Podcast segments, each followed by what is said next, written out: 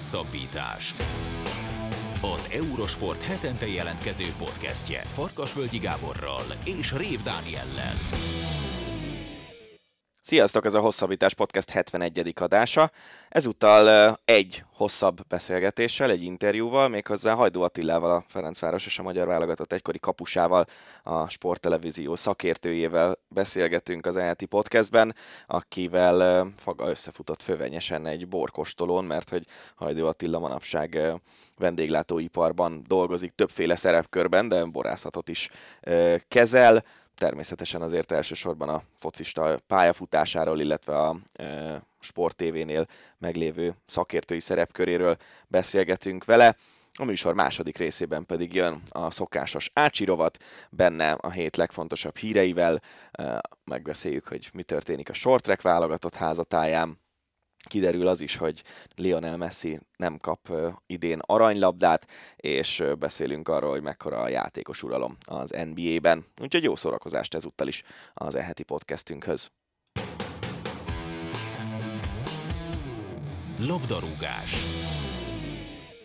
Hát a mai napra nem két témát hoztunk, hanem egy vendéget, akit a mikorosztályunk bizonyára nagyon jól ismer, a fiatalabbak pedig remélhetőleg majd ebből a beszélgetésből megismerhetik, eh, ha még esetleg nem ismernék. Nem húzom tovább az időt. A mai vendégünk Hajdú Attila, Ferencváros legendás kapusa, aki több kapitánynál is eh, volt válogatott, eh, pályafutásáról, legemlékezetesebb pillanatokról, magyar labdarúgás jelenlegi helyzetéről, a Fradiról is természetesen beszélgetünk, meg a hobbiáról, ami foglalkozásává is vált. Szóval vágjunk is bele. Szia Attila, köszönjük szépen, hogy elfogadtad a meghívásunkat. Sziasztok, tiszteltek, köszöntöm a kedves hallgatókat. Teljesen véletlenül futottunk össze fővenyesen a strandon, eh, ahol borkostolót eh, tartottál, és eh, ott beszélgettünk a boraidról, arról, hogy eh, ez a hobbi hogy vált eh, a foglalkozásoddá, és ott beszéltük le igazából ezt a, a, a beszélgetést. Először én inkább visszaugranék az időben, hogy eh, hogy te hogy is lettél labdarúgó, illetve hogy kerültél a Ferencvároshoz. Édesapád, ha jól tudom, futbalista volt, hát igazából ez kódolva volt, hogy te focista leszel, vagy, vagy azért ez nem ennyire egyszerű? Hát ugye a klasszikus mondás az az, hogy úgy lettem fradista, hogy apám is az volt. Hát ez rám teljesen igaz. Ugye édesapám a pályafutását a Ferencvárosban fejezte be. Ott lett később utánpótlás edző és kapus edző is és hát ő vitt le engem a, a, az az ő csapatába mindig edzeni, és így egyértelmű volt, hogy én, én is futbalista szeretnék lenni. Ez nagyon komoly csapat volt, ugye bajnokságot nyertek a Dezsőbával, ők is, hogy így mondjam, vagy úgy, ahogy mi is, inkább így fogalmaznék, tehát akkor a fiatal Nyilasi, Ebedli, ugye átul a VP-ék, Raptibi, tehát olyan fantasztikus fotbalisták voltak abban a csapatban, hogy nem volt véletlen, hogy egyértelműen én is megneveztem, hogy ha valamit sportolni kell, akkor az a foci lesz. És egyértelmű volt, hogy kapus leszel, vagy ez máshogy alakult a kezdetekben? Hát körülbelül egy vagy két hétig a mezőnyben próbálkoztam, és akkor nem jött el a, a csapatunk kapusa, mondta az akkori edző, hogy akkor álljál be a kapu, mert az apád úgyis kapus, és akkor innentől kezdve ott ragadtam. Tehát mondhatni, hogy ezt a két hetet kivéve én a kezdetektől a kapuban álltam. Sportszakmailag nincsen nagyon nagy jelentősége, de azt elárulnád, hogy mi a jelentőség annak, hogy édesapád vezeték nevében még hosszú az ú, a tiédben meg rövid? Ez hogy alakult? Uh, hát ez egy jó kérdés, mert, mert az apuval mindig, amikor ugye bár bárhol megjelent a nevünk, akkor mi mindig a rövid út erőltettük. Azt, hogy az ő, ő nevénél az elején még ez hosszú volt, ennek nem tudom a történetét, de egy biztos, hogy mi kényesen ügyeltünk arra már, amikor együtt akár a Fradiba, ugye ő volt a kapus edzőm is 95-96-ban, kényesen ügyeltünk arra, hogy rövid ús legyen. Uh-huh. Azt, hogy ez mitől lett, azt, azt nem tudom. Nem volt, nehéz volt a Fradiban nevelkedni, úgy, hogy az édesapád is ott dolgozott?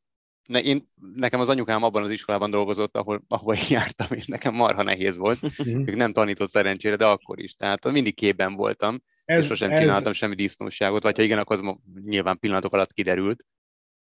Igen, ez jogos, hogy hát azt gondolom tudtuk kezelni, de mindenféleképpen ez egy olyan helyzet, amit, amit kezelni kell. Hát tudnék olyan ilyen epizódokat mondani, biztos a kedves hallgatók, hogy ti is voltatok olyan helyzetben, amikor síelni mennek a családok, akkor ugye gyereket cserélnek a lejtő tetején, mert ugye a gyermek a saját szüleinek azért nem annyira fogad szót.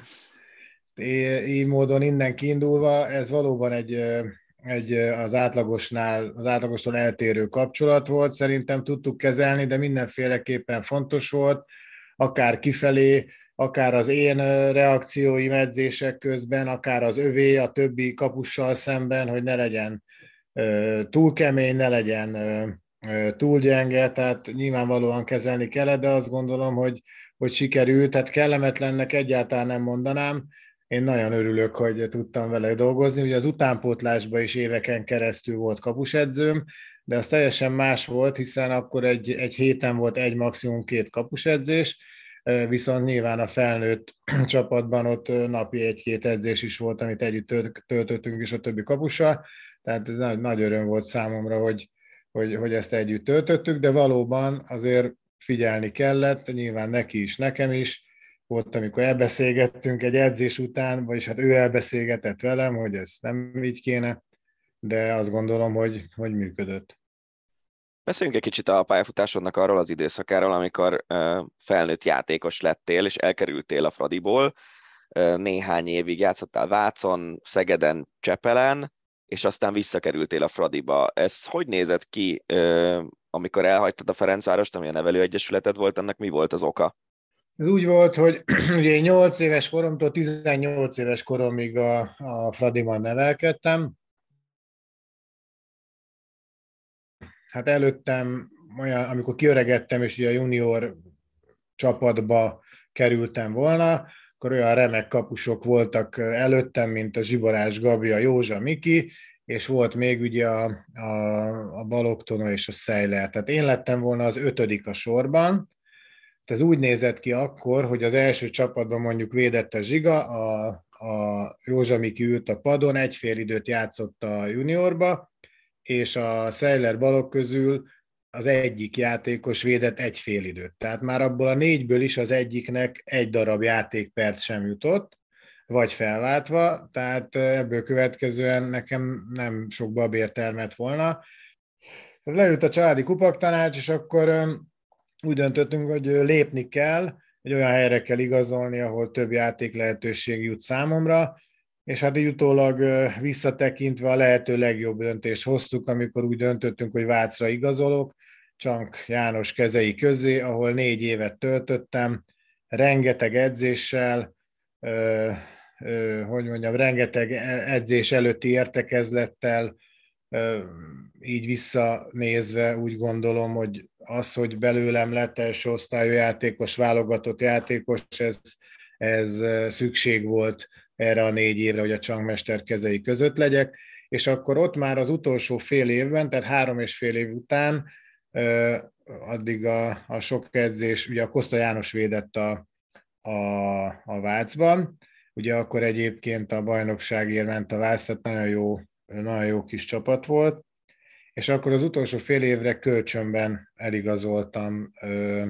ö, Szegedre, ahol védtem egy fél évet, és ez nagyon érdekes, és azt szoktam mondani, hogy, hogy a szerencsefaktor az mindenkinek a, az életében ott van, minden sportoló pályafutásában, az enyémben is ott volt, egy edzőmeccset játszottunk Csepelen, ahol Csepelen ugye Varga István volt az edző, de az a Perlaki István volt a másodedző, aki egyébként engem ismert a Fradiból, ott jól ment a védés, és végül is úgy döntöttek, hogy akkor engem leigazolnak és akkor megvásároltak a Váctól, tehát akkor én már a Csepel játékosa lettem, és ott egy olyan, olyan két, év, két évet sikerült összehozni, ami, ami, ami fantasztikus volt. Azt szoktam mondani, hogy amerre mentem, eltalált a labda, mert egy olyan futásba keveredtem, hogy, hogy szinte hibátlan, tök jó teljesítményeket nyújtottam. E, ez köszönhető volt egyébként Kakas Lászlónak,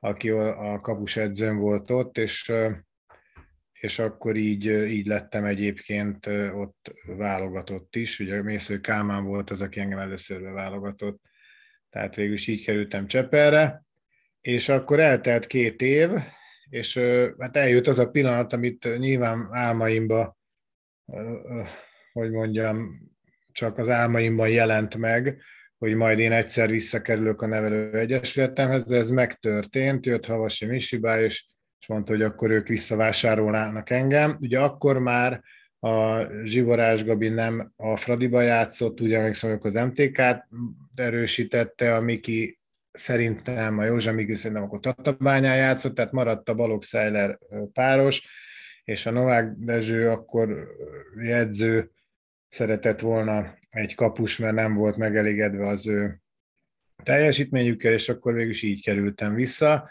Tehát egy hat éves Varga Betű után visszakerültem abba a csapatba, ahol nevelkedtem, és az érdekesség az volt, hogy azok közé, a srácok közé zömében, akikkel felnőttem ugye tíz éven keresztül, tehát végül is visszatértem, tehát mondhatni így. Hát akkor te rögtön igen komoly vízbe kerültél vissza, az mondjuk segítség, hogy ismerős közegbe, hiszen amikor visszatértél, nem sokkal később kezdődött az az elképesztő BL menetelés 95-96-os idényben, ami máig emlékezetes, és hát az a magyar labdarúgásnak nagyon sokáig a legsikeresebb új, újkori magyar labdarúgásnak, vagy a videótonnak az UEFA kupa menetelését nem, nem számítjuk, hanem hogyha azt követő időszakot nézzük, akkor nem nagyon fordult elő. Akkor az egész országot megmozgattátok, és igazából nem volt szerintem olyan ember, aki ne szurkolt volna nektek még akkor is, hogyha ha nem a Fradival szimpatizált. Azt ti hogy éltétek meg egyáltalán? Az, az milyen időszak volt? Hogy kell azt elképzelni? Hogy, hogy zajlottak ott a mindennapok a, a, az ülői úton, amikor kiderült, hogy beverekedtétek magatokat a, a, a BL-be? Nyilvánvalóan tudtuk, hogy, hogy, hogy ez egy csoportkör, tudtuk, hogy ez a bajnokok ligája, de nyilvánvalóan mindenki a következő meccset nézte, egy eufóriába játszottuk ezeket a, a meccseket, de ennek ellenére azt szoktam mondani, hogy nem voltunk tudatában annak, hogy, hogy mi történik. Ez akkor, amikor akár most például te kérdezem, kérdezel engem, hát hogy is van most, ez már 20, 27 éve biztos volt, ugye? Tehát 27 év távlatából érdekli az embereket, hogy mi történt, és, és elevenítik fel azokat a pillanatokat, amik, amik felejthetetlenek. Tehát annak a tudatában nem voltunk, hogy ez ilyen sokáig megmarad az emberek tudatában, de nyilván számomra és a többi játékos számára, is ez egy, ez egy ez egy nyitás volt a, a nemzetközi futball felé, ahol minden más volt. Más volt a pálya minősége, más voltak a stadionok, nyilván mások voltak a, a, a csapatok is. Tehát ez egy, ez egy olyan ez egy olyan álomszerű dolog volt, amit úgy éltünk, nem igazán tudtuk, hogy ez, hogy ez ennek milyen ereje van, éltük és tettük a dolgunkat. Az én példámra visszatérve, én nekem meg miután visszakerültem a Fradiba, és jött ez a 95-ös BL menetelés, ez nekem így egybe volt egy olyan álomszerű dolog, amit, amit csak éltem, és nem, nem volt időn gondolkozni azon, hogy most hol vagyunk, és, és mit értünk el. Inkább ez az évek múltával és visszatekintve érzi az ember, és éreztük mindannyian, ugye, amikor összeültünk több év múltán, hogy, hogy végül is mit sikerült összehozni. Ebben a szezonban megválasztottak téged a bajnokság legjobb kapusává, és két évvel később, tehát 98-ban Németországba igazoltál a Kölnbe. Mi vonzott a, a német karrierben, illetve hogy nézett ki akkoriban az átigazolási piac, mert manapság azt tudjuk, hogy itt lényegében egy ilyen 0-24-es hírfor, hírfolyamban vagyunk benne átigazolási hírekkel, Neked akkor volt menedzsered, akit megkerestek, vagy hogy nézett ki számodra ez a Németországba igazolás? Hát nekem azt gondolom, hogy annak a generációnak, hát talán most is mondhatjuk, hogy azért egy nagyon vonzó dolog a külföld. Én ezt úgy éltem meg, hogy mindenféleképpen szerettem volna külföldre igazolni, mert ez egy nagyon misztikus dolog volt, hogy, hogy, hogy a külföldön, a profi világban, a, Bundesligában hogy élnek a csapatok, a játékosok, milyen, milyen a bajnokság, tehát ez egy olyan dolog volt, amit én mindenféleképpen szerettem volna, de egyébként majdnem minden csapattársamról ez elmondható volt, hogy, hogy a külföld az mindenkinek a, a céljai között szerepelt. A Bundesligát egyébként is én nagyon kedveltem, és nagyon sokat néztem, tehát én nekem ez így összepasszolt.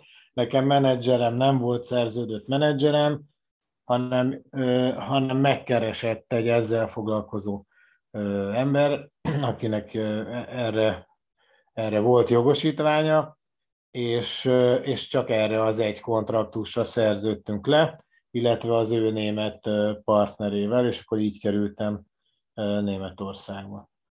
Nagyon nagy volt a különbség? Tehát amikor kikerültél, akkor illetve volt-e benned félsz a, a követően, hogy, hogy elhagyod a, a jól ismert közegedet, és egy teljesen más kultúrában, egy teljesen más bajnokságban kell majd bizonyítanod. Tehát volt-e benned félsz, illetve amikor kikerültél, akkor, akkor ilyen nagy rácsodálkozás volt, vagy azért a BL után, amikor már ugye játszottak a Real Madrid-dal, az ajax például az Anderlecht-tel, akkor tehát nyilván azért már láttatok komoly stadionokat, láttátok azt, hogy hogy néz ki ez tőlünk nyugatabbra, ettől függetlenül azért nagy rácsodálkozás volt, vagy, vagy relatíve hétköznapi dolgokként élted Nagy rácsodálkozás volt, de, de nem abban az értelemben, hogy ott, hogy ott mennyivel jobbak. Hát azt mondtad, hogy 40-50 percünk van, tehát ezt akkor rövidre kell fognom, mert ez, ez akár egy tanulmány is lehet, ami velem ott kint történt. Megpróbálom röviden összefoglalni, tehát én, én itthon azok közé, a játékosok közé tartoztam, akik, akik ezt igyekeztem komolyan gondolni, teljes lényemmel átélni.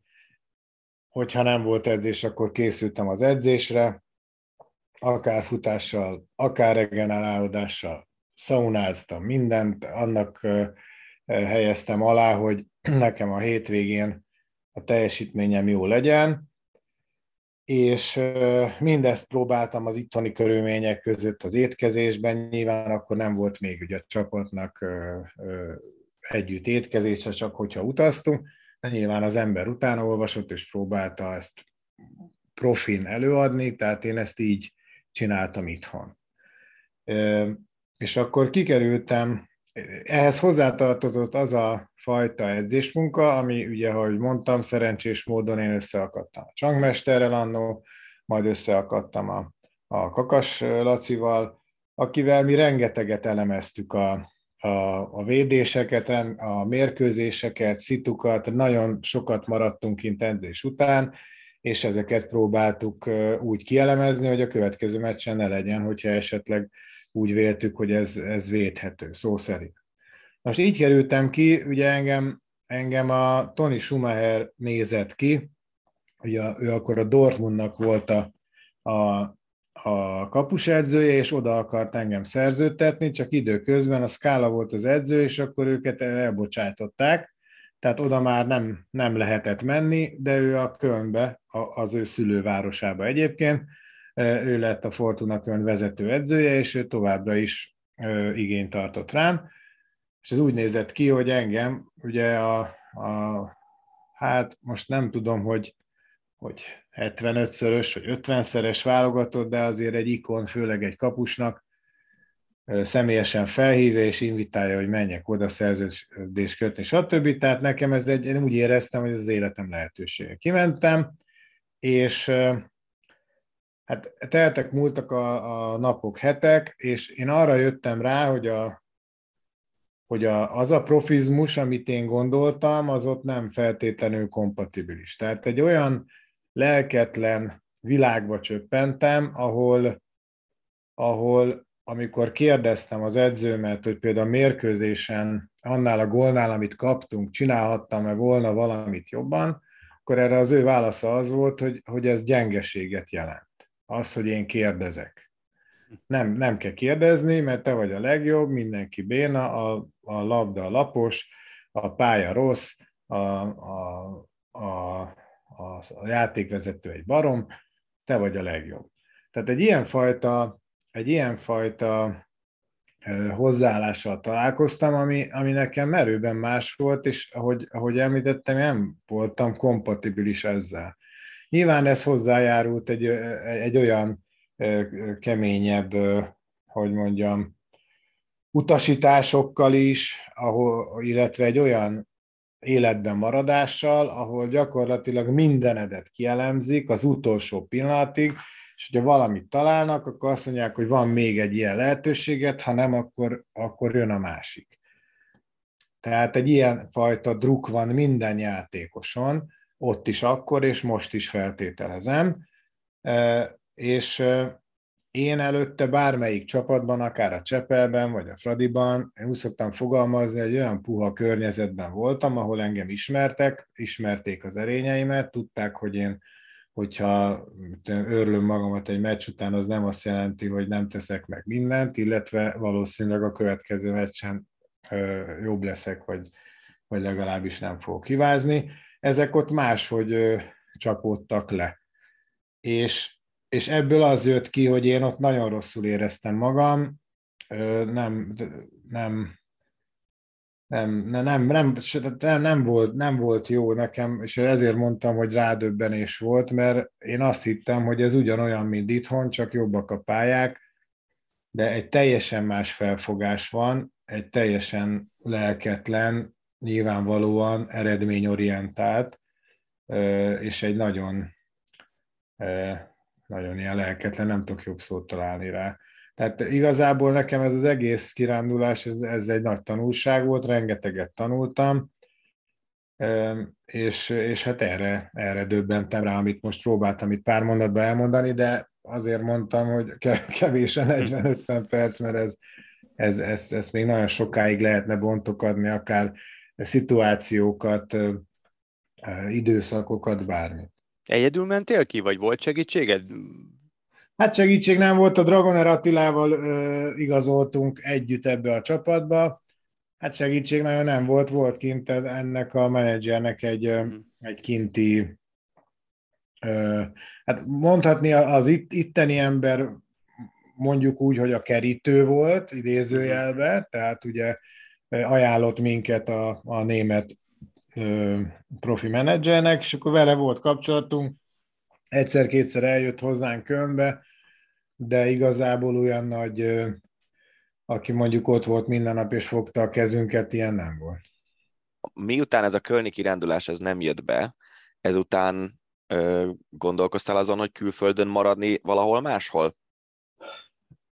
Hát volt rá lehetőség még akkor nekem, ott ugye elég sok jó csapat van ott a Rajna mentén, aztán nyilván ez ez egy ilyen szerencsétlen dolog volt, mert nem nagyon akarták, hogy, hogy, hogy ott máshova menjek, de hát az már tuti volt egy három-négy hónap után, hogy a kapcsolat ugye az edzés köztem az nem az igazi, de végül is nem, nem engedtek engem, tehát meg kellett várnom, amíg le, letelik a két éves szerződésem, és utána meg már nem, nem akartam kint maradni, és akkor jöttem haza.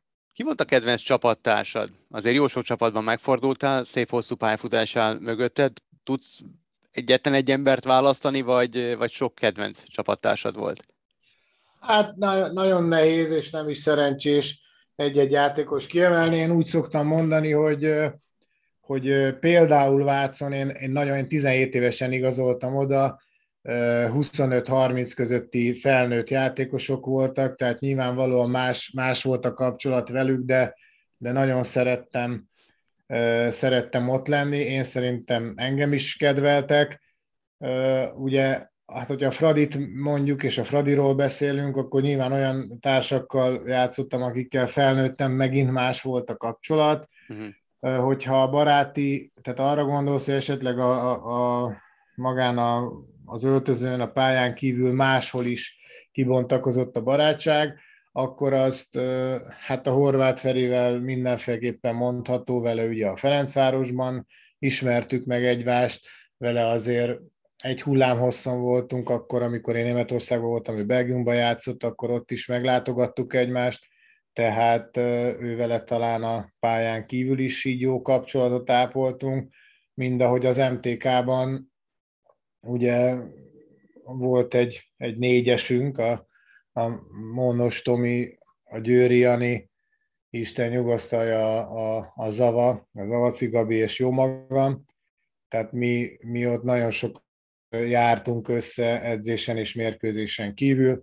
Minden, minden meccs előtt volt egy megszokott előző napi ebédlőhelyünk, ahol mi leültünk, tehát talán velük így közelebbi baráti kapcsolatot ápoltam, de, de azt gondolom, hogy, hogy, hogy jó, jó csapatokba kerültem, jó, jó közösségbe, szerencsém volt azért, hiszen az MTK-ban az Egervár is, mindig, Sanyibá is mindig a közösséget elsőnek titulálta, tehát fontos volt, de ugyanez volt bármelyik csapatban, ahol megfordultam, tehát a közösség ereje az nagy volt, így módon nagyon jó kapcsolatot ápoltunk majdnem mindannyian egymással. Hát a német csapatról ezt nem mondanám, mert ott azt mindennek nevezném, de, de közösség építésnek nem, ami ott folyt.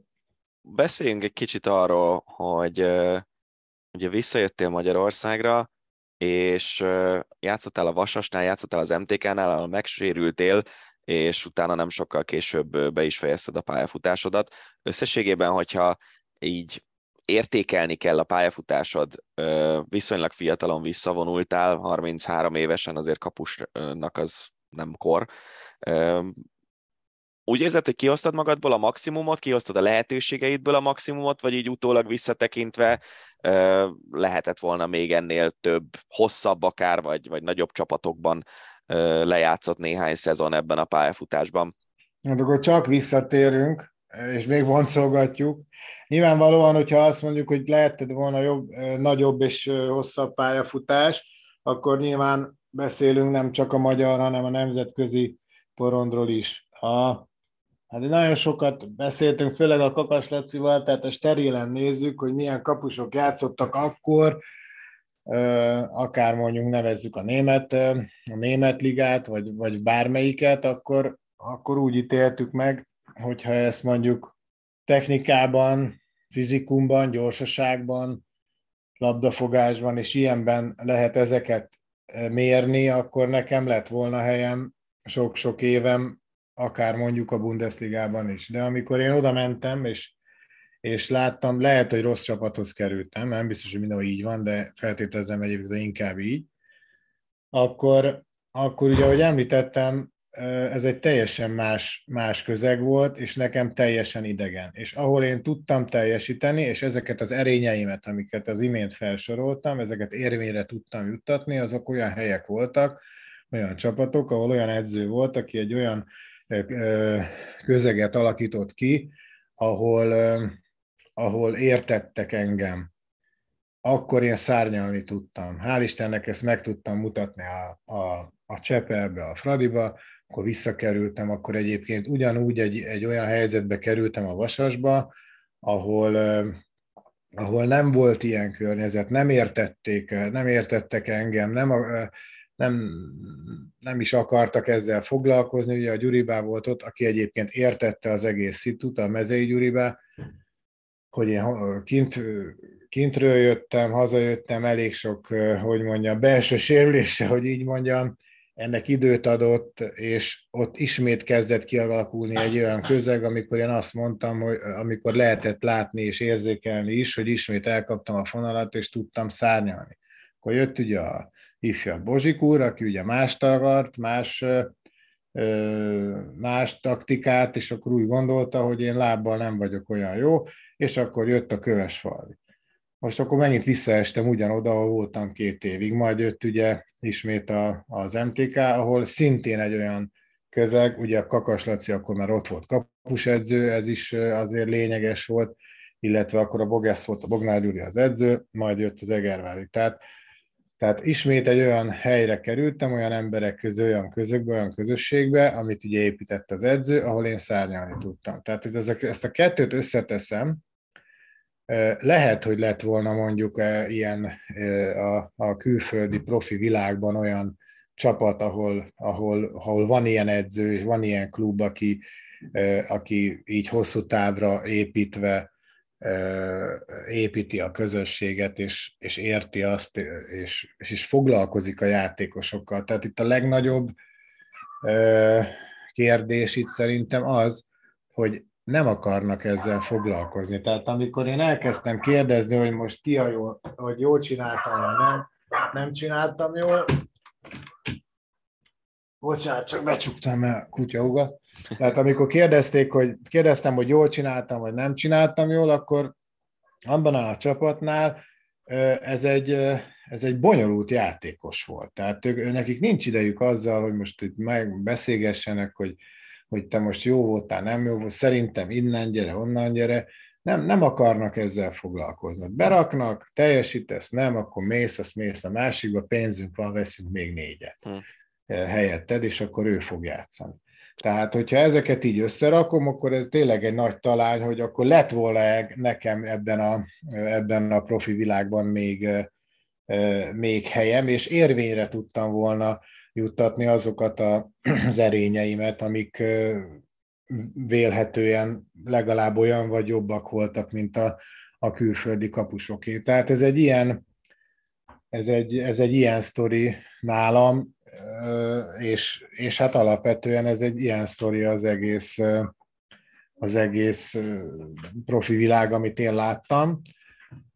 És, és hát körülbelül ennyi. Most időben azért azt el kell mondani, hogy ez, erre nem derült fény, hogy esetleg még egyszer ezt megpróbáljam. Ugye az MTKB-n én 32 éves voltam, amikor volt egy nagyon súlyos vesesérülésem, és akkor ott még küzdöttek az életemért, aztán meg én még visszatértem, családom nem nagy örömére, mert addig az életemért imádkoztak, utána meg itt a, a jéghideg latyakba ugráltam itt ilyen összefércelt vesével, tehát én még a Sopronban játszottam egy fél évet, és utána abba hagytam, tehát igazából ez is ennek köszönhető, hogy én ezt hamarabb hagytam, nem adódott még lehetőség arra, hogy esetlegesen, egyébként volt erre lehetőség az MTK-s két év után, még közben is, hogy esetleg külföldre tudjak menni, és ezt még egyszer kipróbáljam, de erre emiatt, emiatt nem, nem nyílt lehetőség. Tehát ez, ez így egy kicsit hosszabban, röviden azt mondom, hogy én, én nekem semmilyen hiányérzetem nincsen, én örülök, hogy és büszke vagyok arra, hogy futballista voltam 33 éves koromig, és úgy szerintem el tudom helyezni a, az életemben, hogy, hogy ez egy nagyon, nagyon érdekes és egy, és egy nagyon, nagyon fontos, fontos időszak volt, de, de úgy, úgy, úgy éreztem akkor, hogy újat kell nyitni. Ha jól értem, akkor mindig akkor, akkor is teljesítettél jól a pályán, amikor jól érezted magad egy közösségben. 2006 óta vagy a Sport TV-nél szakértő az a közösség, az, az mennyire tesz téged boldoggá, amiben azért most már nagyon régóta, nagyon sok szakértőtársaddal együtt dolgozol, akár csak Nyilasi Tiborra, ha gondolunk. E, e, ez egy ilyen második karrier kiteljesedése számodra ez a sportévés szakértői szerepkör? Igen, egyébként a példa teljesen jó, tehát ott a Sport TV-nél hasonlóképpen egy olyan közösség van, és nyilvánvalóan ez a Máté Pajnak köszönhető, aki a főszerkesztő, mert több mint 17 éve dolgozom ott, amióta abba hagytam, és teljesen jó az összehasonlítás, ott is egy olyan közegbe csöppentem, nyilvánvalóan nekem a sportmúltam miatt azt szokták mondani, hogy nem kell bemutatkoznom senkinek, mert ismertek, de nyilván ezt azért el lehet játszani, hogyha az ember nem csinálja ott is rendesen, becsületesen a munkáját. Én is elkezdtem a, a ranglétra alján, NBA-3-as meccsekre utaztunk, stb. stb. Tehát ott is úgy, ahogy teltek múltak az évek, úgy fogadtak el, és látták, hogy én nem csak ide jövök, leülök és elmegyek egy 40 perc után, hogyha műsorról beszélünk, vagy egy, vagy egy mérkőzés után, hanem, hanem rákészülök és megpróbálom. Ha már, ha már ezt így elkezdtem, akkor azt rendesen, igényesen csinálni, és valóban itt is egy olyan közegben vagyok, ahol, ahol jól érzem magam, és így módon ezért mondtam azt, hogy az összehasonlítás az, az, az, az teljesen jó és helytálló. Maga az, hogy ezt minek gondoltam, hát amikor én abba hagytam a focit, akkor már előtte még az MTK-ban játszottam, én nekem már így körvonalazódott, hogy nekem a vendéglátásban valami dolgom lenne, ezt senki nem tudta, nem, nem tudta a családban senki, hogy ez, ezt ugyan miért akarom. Az én édesanyám apukájának volt egyedül étterme, de senki nem foglalkozott a vendéglátással. Tehát akkor már egy óbudai kávézót nyitottunk, az MTK-ban, amikor játszottam, az már, az már ugye ment. Akkor történt ez a, ez a sérülés, abba hagytam, és akkor, és akkor három dolog volt. A, az egyik az, itt a sérülés után, hogy újból kezdem, edzettem, és, és hát szintén így a Kakas László az, a, az akivel elkezdtük úgy az edzéseket, hogy egy engem egy ilyen 37 centis vágás van az oldalamon, és akkor, akkor ülő helyzetből elkezdtük úgy, hogy ez a labda, mondta a Laci. Tehát kezdjük az alapoknál, ez a labda. És akkor így, így, így, így ülve próbáltam legördülni jobbra, de nem nagyon ment. Tehát onnan elkezdtük, hogy hát, ha még foci. A másik volt ugye a kávéház, ami akkor családfenntartóval lépett elő, és akkor volt a harmadik, hogy esetlegesen így a, a tévében szakkommentátorként, vagy bármi, bármiként, végül is a szakkommentátorság maradt, hogy esetlegesen így a médiába, sport részen el, elhelyezkedni. Tehát ez a három vonal volt, és akkor, és akkor mind a hármat nyomtam rendesen, és akkor kiderült a végén, hogy mi lesz ebből. Hát az lett belőle, ugye, hogy, hogy akkor a foci az abba maradt Sopronban, és akkor elindultam így a vendéglátás útján, és hát azóta is hál' Istennek a Sport TV-ben való munka az megmaradt. Aztán valahogy bejött az életedbe egy új szerelem, ami a borászkodás, de ez, ez hogy jött? Tehát oké, hogy vendéglátás, meg oké, hogy kávéház, de azért ez egy teljesen más műfaj, nagyon, nagyon komplex, nagyon összetett műfaj a, a borászkodás, és egy pár mondatban próbáltad nekem el, elmesélni ott lent fövenyesen az egészet, de amit mondtál, abból az derült ki, hogy, hogy itt mindent te csinálsz, vagy legalábbis nagyon sok mindenből kiveszed a részedet, tehát ez, ez szinte egy főfoglalkozás most már, de inkább mesélj erről te. Igen, hát ez, ez úgy indult el, hogy ahogy az említett kávéházzal egy olyan, tehát én testnevelési főiskolán végeztem sportmenedzser szakon, tehát valahol nekem sportigazgatóként kéne dolgoznom, de érdekes módon, hogy ugye egyre idősebb lettem, mint, mint játékos, nem, nem éreztem úgy, hogy nekem, nekem ebben kéne tovább menni, sokkal jobban izgatott a vendéglátás, a kávé, a kávéház elkezdtük, egy kolléganőm volt, tehát ketten csináltuk a, a kávéházat, és, és hát öröm, örömmel tettem, nekem nagyon tehát ugyanaz a jó érzés, amikor, amikor esetlegesen elfáradtam egy edzés után, vagy egy győztes meccs után ültünk az öltözőbe, én ugyanazt éreztem, amikor hátul a, az előkészítőbe hallottam a, a, a, a csészéknek a csörgését, a darálónak a zúgását, az embereknek ugye a, a szavait, ez, ez, ez, egy, ez egy kávéházba, ez egy olyan atmoszféra, ami semmi mással nem hasonlítható össze. Nyilván ez jön az illat, jönnek a ugye a kávé darálónak, illetve a lefőzött kávénak az életet. Ebben én, ebben én nagyon, nagyon éltem, nagyon megtetszett, nagyon sok munkával járt, rengeteg új dologgal, hát egy, egy szállítólevelet se tudtam kitölteni, hát én hiába jártam be a, az országot, és jártam nagyon sok helyen külföldön, akár a Fradival, akár a többi klubbal, a válogatottal, egy zárt közegben nőttem föl, egy zárt rendszerbe, tehát nekem rengeteg új dolgot kellett tanulni, de nagyon tetszett, élveztem, sikereim voltak benne, és akkor ezen indultam el. Nyitottunk egy másik kávéházat szintén Óbudán, ezt a, kettő, ezt a kettőt vittem egy ideig, és akkor utána volt egy, egy válaszút. Az egyik, hogy ugyanígy, ugye ezek irodaházakban, irodanegyedekben vannak ezek a kávézók, vagy voltak, hogy akkor esetlegesen ezt tudjuk még tovább fejleszteni, a Váci út környékén akkor kezdtek kinőni a földből ezek a hatalmas irodaházak, és akkor akár egy központi könyhával, ugye el tudjuk látni, és akkor három vagy négy kávézőt is összefogva tudnánk ezt, ezt üzemeltetni. Ez volt az egyik lehetőség, a másik pedig az, hogy, hogy Balatonfüreden eladásra kínáltak egy, egy nagyon rossz állapotban lévő üdülőt, és hogy akkor azt, azt akkor azt megvásárolni, és akkor ez egy teljesen más dolog. A Balaton az nagy szerelem volt nekem, én szép lakalson töltöttem a nyaraimat gyermekként, akkor mégis belevágtunk ebbe a balatoni sztoriba. 2008-ban, 2009-ben nyitottunk, szálláshely szolgáltatással foglalkozunk ott azóta, ez közel 50 fős kapacitású szálláshely, és amikor itt voltam a Balatonon, akkor rengeteg olyan csoportot vittünk borkostolókra, Balaton felvidékre, először nyilván Füred környékére csopakra, aztán, aztán az egész Balaton felvidéken, hogy vittük a csoportokat, borkostolókat szerveztünk, stb. stb. És, és akkor, hát akkor engem elkapott a gépszi, és úgy gondoltam, hogy én nem csak csoportokat szeretnék ide hozni, hanem én is a részese szeretnék lenni ennek a, ennek a Balaton felvidéki létnek, mert ez, ez egy olyan dolog, ami semmivel nem hasonlítható össze. Ez, tehát ennél jobb hely a világon nincsen.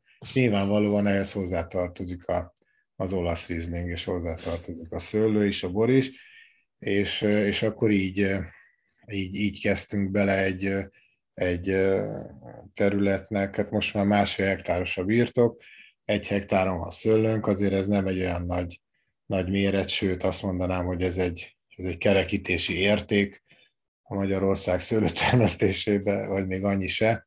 Itt is van egy szálláshelyünk, ugye ez Vászoljon van, kicsit másról szól, mint Balatonfüred, és akkor elkezdtük a, a szőlőt, ugye nyilvánvalóan telepítettünk, ezt a telepített szőlőt 19-ben születeltük először, és így elkezdtük a, a borkészítést is. Soha nem gondoltam, hogy én beszeretnék törni a piacra. Azt gondoltam, hogy a, a, Balatonfüredi panzió portfólióját bővítve talán értékesebbek leszünk a piacon, hiszen tudjuk felhozni a vendégeket ide kóstolóra, lent el tudjuk adni a bort. Ez így is történik, tehát mi, ahol találkoztunk, ott tartják a borainkat a Kalóz Bistróba, de mi alapvetően a, a mi szálláshelyeinken adjuk el a bort, egy hozzáadott értéket szerettem volna létrehozni, mind a Balatonfüredi fűrjes villában, illetve itt a Vászai fűrjes udvarházban is. Én abszolút hozzáért, hozzáadott értékként éltem meg aznap este a boraidat, úgyhogy nekem, nekem hozzáadott értéket adott az este, ez nagyon finom volt. Ez az élet, ez azért eléggé más, mint, a, mint egy focista élet, nem? Hogy viszed a dolgaitokat, intézed az ügyeket, közben borászkodással, borászkodás felé kacsingatsz.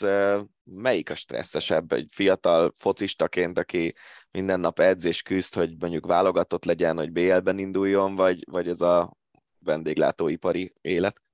Hát azt kell, hogy mondjam, hogy mindegyik nagy meló, tehát uh, sikerült olyat találnom itt a foci után, ahol szintén nem, nem sokat lehet pihenni. Nyilvánvalóan ez a két dolog nem, nem összehasonlítható. Én azt szoktam mondani, hogy nyilvánvalóan egy ilyen sportolónak, amikor az aktív pályafutása véget ér, azért az egy nehéz, az egy, az egy nagyon nehéz időszak. Hogy ki merre tud tovább menni, marad-e a fociban, edző lesz, vezető lesz, azért valljuk be, ebből, ebből nem lehet, tehát nem lehet minden játékosból edző és vezető, esetleg a civil szférában próbálkozik. A, én, én, én, én, engem az nem zavar soha, és szerintem ez egy nagyon fontos dolog, hogy engem nem, nem éreztem azt degradálónak, hogy hétvégén szurkolnak nekem a pályán, ugye ez még ugye az MTK-ban ezt megéltem egy, egy éven keresztül, hogy szurkolnak a pályán, tapsolnak, és utána aláírást kérnek tőlem, illetve a jobbnál jobb éttermekbe megyünk, és hogyha edzőtáborba megyünk, főleg a válogatottal, akkor fantasztikus helyeken szolgálnak engem ki. E, nem, egy ilyen élettel párhuzamosan nem éreztem az degradálónak, hogy, e, hogy, hogy kiviszek egy kávét, hogy letörlöm az asztalt, hogy, e, hogy megfőzöm a kávét, és miután megfőzöm a kávét, akkor a munkaterületemet azt mondjuk szépen és tisztán adom át bárki jön utána Tehát ezek engem nem zavartak, mert a célt néztem. A cél az volt, hogy ez működjön, és az ehhez vezető út az ilyen. Azt gondolom, hogy ezt nagyon sokan nem, nem tudják megugrani az aktív játék után, tehát nagyon nagy a kontraszt, ahogy mondtam, főleg aki még nagyobb szinten játszik, még, még több mérkőzést akár külföldön, ezt, a, ezt, a, e, e, ezt ne, nehéz szerintem megugrani ezt a kontrasztot, ezt átélni, ez engem soha nem zavart. Egyébként egy abból a szempontból mindig nagyon hasznos, hogy a kollégáknak meg tudom mutatni, és tudom, hogy, hogy hogy kell csinálni, illetve tudom, hogy mit lehet tőle elvárni. Tehát akkor máshogy ítéltem meg mondjuk egy, egy három hosszú, hosszú nap után egy embernek a, a, a tevékenységét a pultban, amikor én is megcsináltam egy ilyen három hosszú napot. Hát ezek, ezek szerintem fontos dolgok, ennek a kis cégnek a vezetésével is, és egyébként ahhoz is, hogy, hogy végigjárd ugyanúgy a, a lépéseket. Tettem ezt ugyanúgy itt is, tettem ezt a, teszem ezt a mai nap is.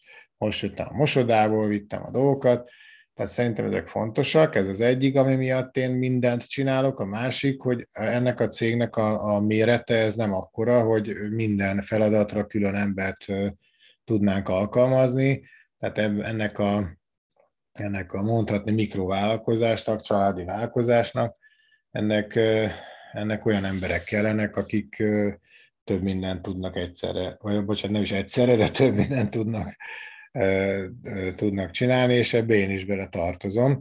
Tehát valóban én, én nagyon nagy élvezettel megyek a traktorral a szőlősorok között, és művelem a szőlőt, meg nyilvánvalóan, hogyha olyan a helyzet, akkor reggelisztetni kell. Engem ez soha nem zavart. Ez, ez ilyen, én ezt ugyanolyan nagy örömmel csinálom, egyáltalán nem könnyebb, mint mondjuk a, a, a futbalista lét, de, de azt gondolom, hogy, hogy, hogy egy nagyon szerencsés ember vagyok, mert ugyanazt azt csináltam a pályán is, amit szerettem, és, és ezt követően is azt csinálom, természetesen fárasztó és nehéz, de azt csinálom, amit szeretek. És, a legtökéletesebb végszó, elnézést, nem akarom belét folytani a, a szót, Hát annyi, amivel talán ke, ke, kezdeni is kellett volna, folyamatosan is egy lényeges dolog, ezt még én elmondanám, mert ugye fociról van szó, élsportról, és utána egy másfajta életről. Azt gondolom, hogy valamilyen segítség egy élsportolónak, amikor abba hagyja, szüksége van. Tehát nagyon, nagyon ritka az, hogy valaki leteszi a stoplist, és utána, ahogy említettem, például a a szállítólevelet, vagy, vagy bármi más szakmában, amit egyébként megtanul a főiskolán, integrálódni tud. Kell segítség.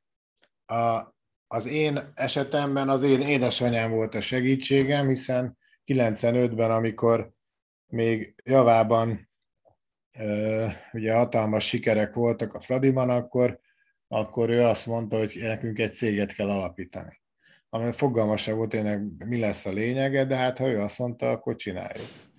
Tehát ez innen indult, és ez a mai napig is ez a cél családi vállalkozás, amely ugye a, mind a kávéházat, mind a, a szálláshelyeket, illetve a borászatot is egybefogja. Ez onnan fejlődött fel ez a családi vállalkozás folyamatosan az édesanyám támogatásával, aki megtanított olyan dolgokra, amihez fogalmam se volt de ő azt látta, hogy én ezt szeretném, és ő ebben támogatott. És ez a mai napig így van. És azt gondolom, hogy, hogy, hogy, hogy valamilyen segítség, akár például most hatalmas pályafutásokat, befutó játékosokat látunk, szerintem felelőssége van egy menedzsernek, nem csak akkor, amikor eladja és pénz van belőle, hanem akkor is, amikor vége van a pályafutásának, a hóna alányul és segít. Mert, mert nehéz, nem könnyű elindulni másfele. Ez esetben ez az én édesanyám volt, tehát így módon azt, azt tudom mondani így végszóként, hogy, hogy egy szerencsés ember vagyok.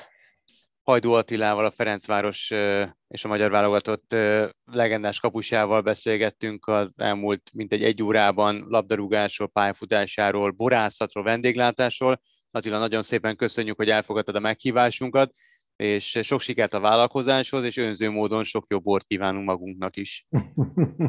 Nagyon szépen köszönöm, minden jót, és egy jó kiadós esőt. Mindenféleképpen. Így van. Az jó lenne. Ácsi. A hét legérdekesebb hírei. Következik az Ácsi rovat, megpróbáltuk összegyűjteni a mögöttünk álló hét legérdekesebb, legfontosabb híreit, és ezeket beszéljük ki.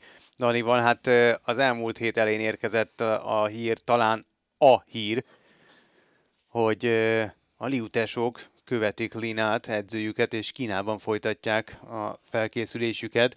Én nagyon emlékszem, amikor először számoltunk be itt az Ácsiban arról, hogy Lina visszatér Kínába, mert hogy állítólag kihagyhatatlan, visszautasíthatatlan ajánlatot kapod, akkor te azt mondtad, hogy nem akarsz szkeptikus lenni, és nem akarod itt megmondani a frankót, de hát nem lepne meg téged, hogyha kínaiak lecsapnának a két liúra, és, és a jövőben nem lepődnél meg, ha nem magyar színekben indulnának. Hát nyilván ezt most azon nyomban megcáfolták, mert mindenkinek eszébe jutott ezt követően, amikor Liuék bejelentették, hogy, hogy kint Kínában folytatják a felkészülésüket, hogy akkor ez most országváltást is jelente.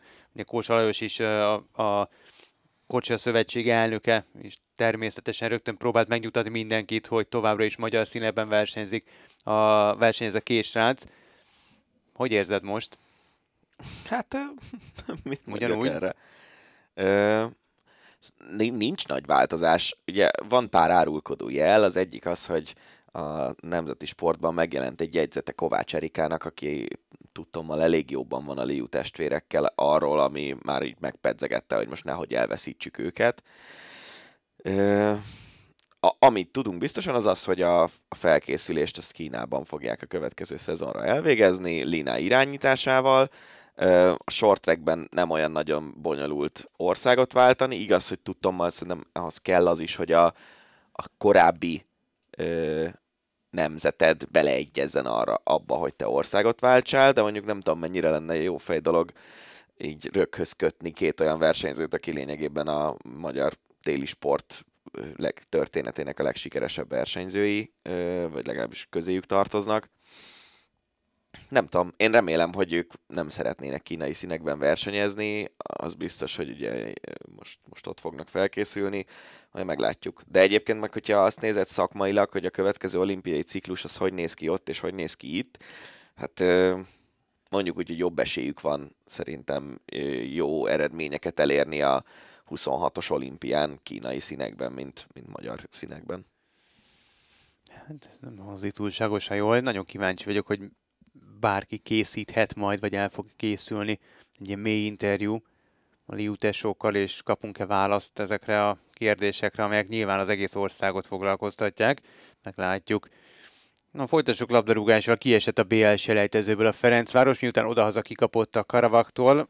Teljesen megérdemelten kapott ki, és ezt nem mi mondjuk, a Fradi, ezt nem mi mondjuk, hanem többek között Kubatov Gábor is ugyan ezt mondta el a mérkőzést követően ami meglepő idehaza, mert ilyen fokú önkritikával azért ritkán találkozunk. A Fradi az Európa Liga playoff körében folytatja majd, és a Skót Semrokkal játszik. Ír. Ír, elnézést, na tessék. Amit azért illene megverni, és szerintem azt továbbra is mondom, hogy a Fradinak a helye azért az Európa Liga csoportkörében van inkább, mint a, a BL csoportkörben. Um, hát az a meccs az nagyon kemény volt, hogy a Karabagi tényleg lefocizta a Fradit és, és persze... ráadásul. Igen, de mondjuk annak olyan nagy jelentőséget én nem adok a Fradi meg a Szlovánt focizta le két héttel korábban Pozsonyban. szóval, ja, és, és egyébként nagyon úgy tűnik, hogy egyénileg valószínűleg nem jobb játékosai vannak a, a Karabagnak, leszámítva az egyszem Kadit, aki ugye az odavágón nem játszott, visszavágón viszont elég komoly ö, befolyása volt a meccs alakulására. Azt tudom idézni, amit Marosi Gergő mondott, hogy ő, ő már amikor mi beszéltünk vele Igen, a, a párharc mondani. előtt, akkor is mondta, hogy ő félti a Fradit ettől a Karabaktól, mert hogy a Karabag játéka az, az abban benne van egy ilyen, egy ilyen belecsúszás a késbe, és az be is jött.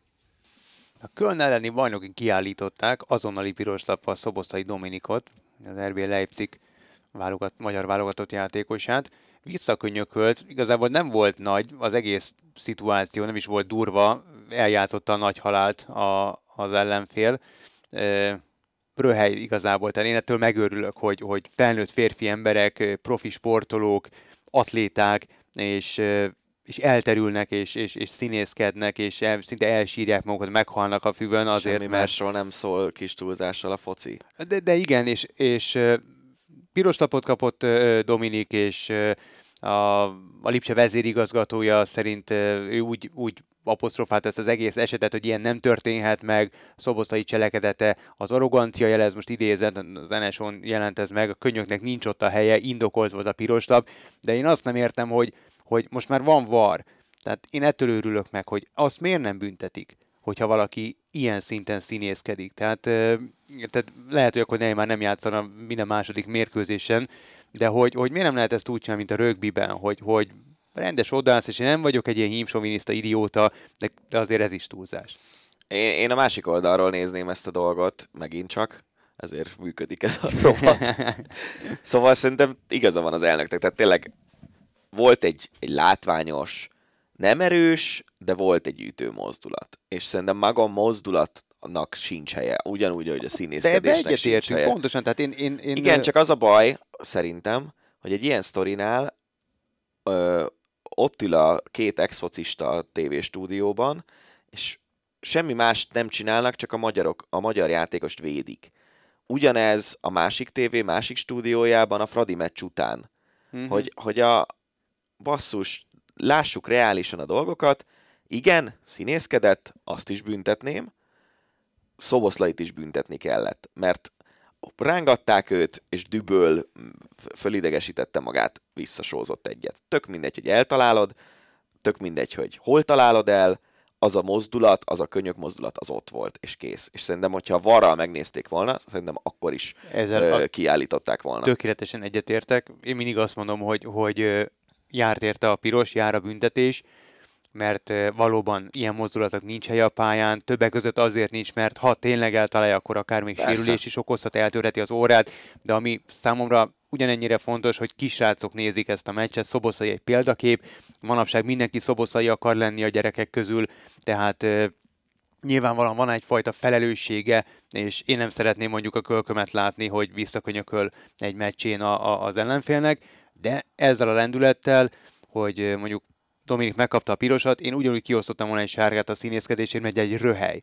Tényleg az, az. szánalmas figyelj, röhelyes, amit, amit művel egy-két futbalista. Manapság ugye egyre több sportákban van ez jelen, ez a probléma. Kézilabdában például volt olyan, amikor bevezették ezt a szabályt, hogy színészkedést is lehet büntetni sportszerűtlenségként hogy Nikola Karabatic, aki ugye valószínűleg minden idők legnagyobb, legsikeresebb játékosa, kapott támadásban két percet, mert túlságosan rájátszott egy, egy ütközésre, vagy egy ütésre. NBA-ben hány ilyen sztori van, hogy, hogy színészkedésért fújnak ilyen sportszerűtlen hibákat emberekre, mert ugye floppolnak, ahogy ott mondják Igen. ezt a dolgot. Nem túl sok, mert nagyon sokszor megzabálják ott is. Na jó, oké, okay, csak azt mondom, hogy, hogy a, a liga egyébként, meg a, a sporták szabályzatai azok lehetővé teszik azt, hogy a színészkedés büntessék, csak egész egyszerűen nem. És amúgy a fociban ott viszont az, az, az, az már teljesen elharapózott az a dolog. Tehát hát meg kell tényleg, a játékvezetőt. Igen, de hogy azt nem értem, hogy pont a VAR lenne egy lehetőség arra, hogy a játékvezetőt ne kelljen etetni, hanem ha van valami olyan, ami igenis súlyos, akkor azt akkor is megbüntessék, hogyha egyébként nem látta a játékvezető, hanem visszanézik közben, ott ülnek négyen vagy mennyien abban a videószobában, nézzék vissza, ú, igen, el, rátaposott, ú, igen, eltalálta a bokáját. Én, én nekem mindig az a furcsa, most már azért elég régóta nem nagyon járok ilyen teremfocikra, meg ilyesmi, általában másnap alig tudok lábra állni, mert a bokám az már majdnem 20 évvel ezelőtt egy ilyen részleges szakadás miatt eléggé tönkrement. De hogy mindig az, azt éreztem, hogy hogy én is van, hogy megrugok mást véletlenül, engem is eltalálnak, sose kezdtem el feküdni a földön, és nem tudom, hogy ennek mi, miért alakult így a labdarúgás, hogy a színészkedés az ennyire része ennek a játéknak, hogy tényleg picit összekoccantják a bokádat, valószínűleg simán tovább tudnál menni, de te inkább eldobod magad, és gurulsz négyet. Igen. Viszont arra visszatérnék, és ebben tök igazad van, de szerintem ez egy külön műsort megérne, hogy idehoz ez a szakkommentárás, illetve nem feltétlenül a szakkommentárás, mert szerintem a, a, a műsorvezetők is nagyon sokszor asszisztálnak ehhez. Tehát, hogy ez miért nem re- lehet reális? Igen. Miért nem tudjuk tisztán látni a dolgokat, csak azért, mert magyar játékossal, csak azért, mert a honfitársunkkal történik valami, esetleg ami, valami olyan, amiben ludas, akkor azt miért nem tudjuk tisztán látni, és tisztán meg fogalmazni, tisztán kommentálni, tisztán átadni a nézőknek, és, és egyszerűen elismerni, hogy hát igen, akármennyire honfitársunk hibázott, és ez van, és ilyet, ilyet nem szabadna csinálni. Tehát, Igen, és ráadásul diszonáns, diszonáns az a, a történet, amikor most ezt, ezt um, úgy mondom, hogy nem láttam egyébként a, a Fradi meccs utáni értékelést végig, mert nem tudom, elkapcsoltam, vagy kikapcsoltam, vagy tök mindegy, de ezt láttam, hogy a, a Twitteren miket írtak utána emberek, hogy, hogy diszonáns az, hogyha mondjuk a stúdióban arról beszélnek, hogy hogy szerencséje volt a Karabagnak, meg, meg nem tudom, azt hiszem Dávid mondott ilyet, hogy tízből egyszer alakul így ez a meccs. És aztán jön a Dibusz Dénes, meg, meg az edző, meg akár Kubatov Gábor maga, és elmondják, hogy lefaciztak minket. Szóval, hogy azért se szerencsés szerintem ennyire ilyen piros-fehér-zöld szemüvegen keresztül nézni mindig a dolgokat, főleg egy elemzésnél, mert, ott, mert hogyha kimész a stadion mellé szurkolókat megszólaltatni, akkor ez megint egy másik történet, de hogyha elvileg szakmailag elemzést próbálsz csinálni, akkor tényleg diszonáns az, hogy valami narratíva a stúdióban kialakul, és ehhez mondjuk például Bozsik Péter azért eléggé jó partner, és, és aztán jön a, jön a játékos, és teljesen mást mond, mint ami narratívát a stúdióban kialakítottál. Igen, hát a szurkoló lehet elfogult, de a szakember ne legyen elfogult. Igen. Viszont van egy fél, vagy volt egy feel good story is az elmúlt hétről, ez a Dorking FC. Hallottál erről? Nem. 99-ben egy baráti társaság alapította meg. Akkor azért, igen, hogy, akkor igen. hogy focizgassanak, aztán utána lehetőség szerint jól besörözzenek, és egy picit kinőtte magát a sztori. 23 év alatt 12-szer jutottak fel, jelenleg már az ötöd osztályban játszanak, és te foci menedzsereztél sokat, én is nagyon sokat játszottam, sokszor megosztottuk a, a különböző kalandjainkat. Nekem is volt olyan, uh, amikor éppen nem a Fulham, általában a Fulham vagy a sunderland voltam, és azokat próbáltam feljebb vinni, vagy éppen BL győzelemig elvinni. Szóval nálam is volt olyan, hogy, hogy ilyen kis csapatokat kerestem, és akkor mhm. elkezdtem egy ilyen sztorit, egy ilyen építkezést.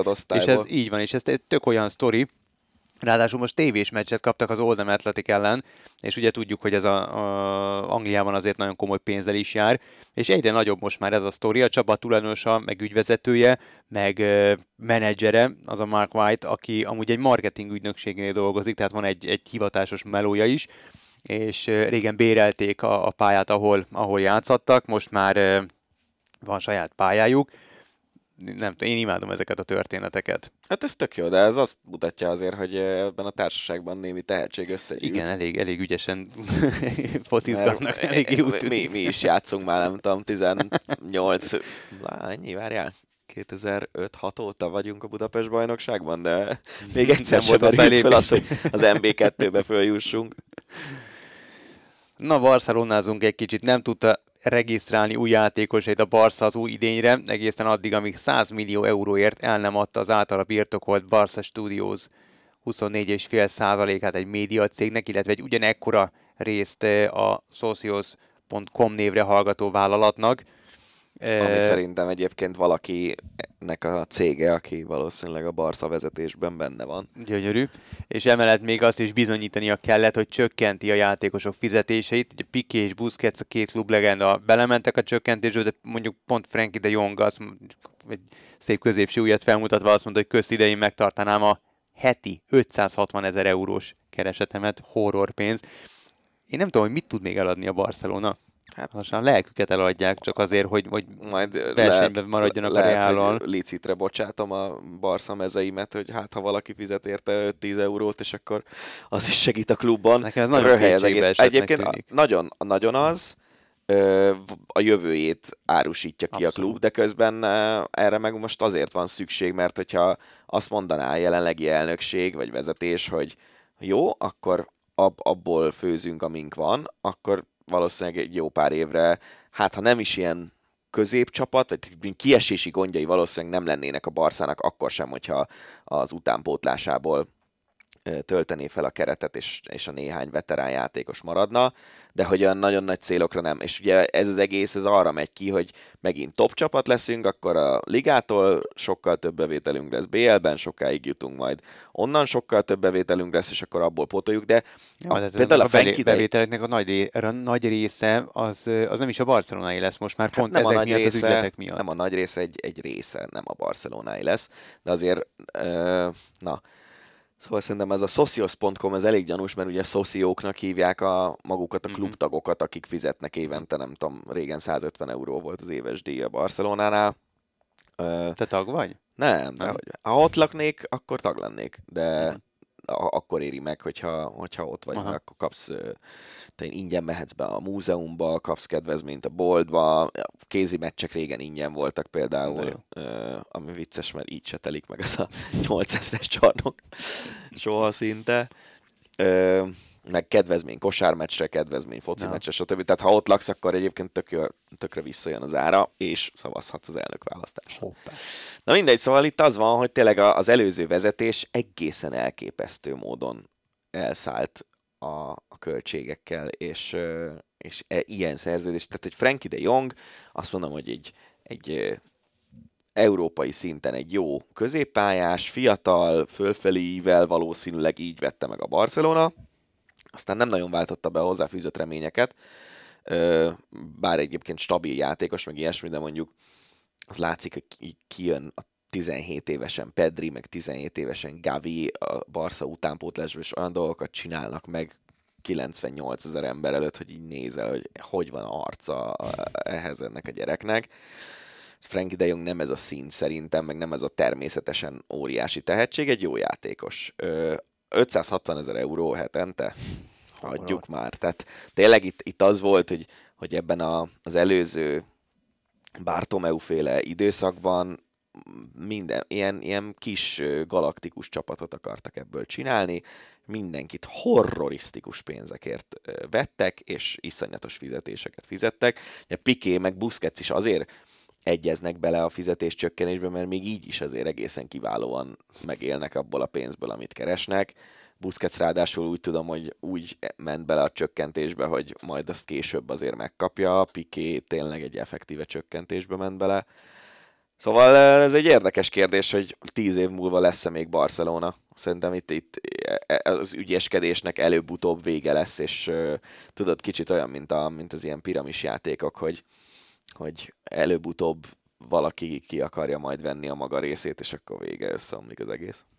Hát, mint emlékszem, igazán most beszélgettünk Attilával, Fradi 95-96 után a, a, azok a pénzek, amik befolytak a BL-ből. Hát Oké, okay, hogy városi legenda, de senki nem tudja, hogy, hogy hova került, és gyanítottan nem a klubkasszába, mert akkor nem ment volna tönkre a Fradi. Erről beszéltünk korábban, a cikk is készült, és az eurosport.hu meg is jelent, hogy Angliában a fiatal focisták védelmében betiltják a fejelést a 2022-23-as idényben a 12 évesek vagy annál fiatalabbak mérkőzésein. A 24.hu oldalán találtam ezt a cikket, és a lap megkérdezett egy neurológust, aki szerint sokkal könnyebb elfogadni ezt az intézkedést, vagy elfogadtatni az intézkedést a szurkolókkal, így, hogy a fiataloknál vezetik be, de hogy be lehetne vezetni ezt a felnőtteknél is, mert hogy ez egy komoly probléma, sok focistát érint, és nagyon sokszor nem ritka a demencia is, amit a fejelések Egyébként a Babos Peti kollégánknak van készülőben egy cikk erről, lehet, hogy mire megjelenik a podcastünk, addigra ez is már kikerül.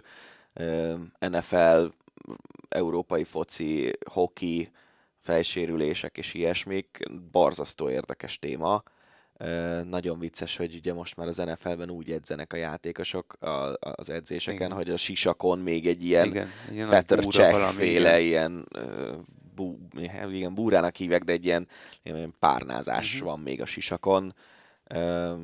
Ja, tehát nyilván itt afelé megy a világ, hogy minél jobban megvédjék a, az emberek testi épségét minden sportágban ez, hogy a gyerekek nem fejelhetnek, ez szerintem egy, egy tök jó vonal, mert igazából amúgy is, mondjuk egy U12-es meccsen, hogyha van egy olyan srác, aki már megnyúlt, és akkor 180 centis 12 évesen, vagy, vagy 160 centi, nem tudom mekkorák a 12 éves gyerekek. de biztos van 180 centis 12 éves, ö, arra fölívelgeted a labdát, és akkor ebből áll a játékod, az amúgy se egy előre mutató dolog szerintem. Amúgy tök vicces, hogy én nekem a gimiben, ugye én hatosztályosba jártam, és 12 évesen mentem gimibe, és voltak olyan osztálytársaim, akik ö, ilyen másfél fejjel magasabbak voltak nálam, amikor oda kerültünk, és aztán körülbelül egy magasak voltunk, amikor leérettségiztünk, mert, mert ők már megnőttek mm. ilyen 11-2 évesen, én meg később inkább ilyen 14 körül nőttem sokat. Most nagyon magas nem lettem, de mindegy. Egy nagyon hosszú sorozat tört meg, 17 év után először nem jelölték aranylabdára Lionel Messi-t. Így is meg fogja kapni szerintem valami külön díj keretén belül.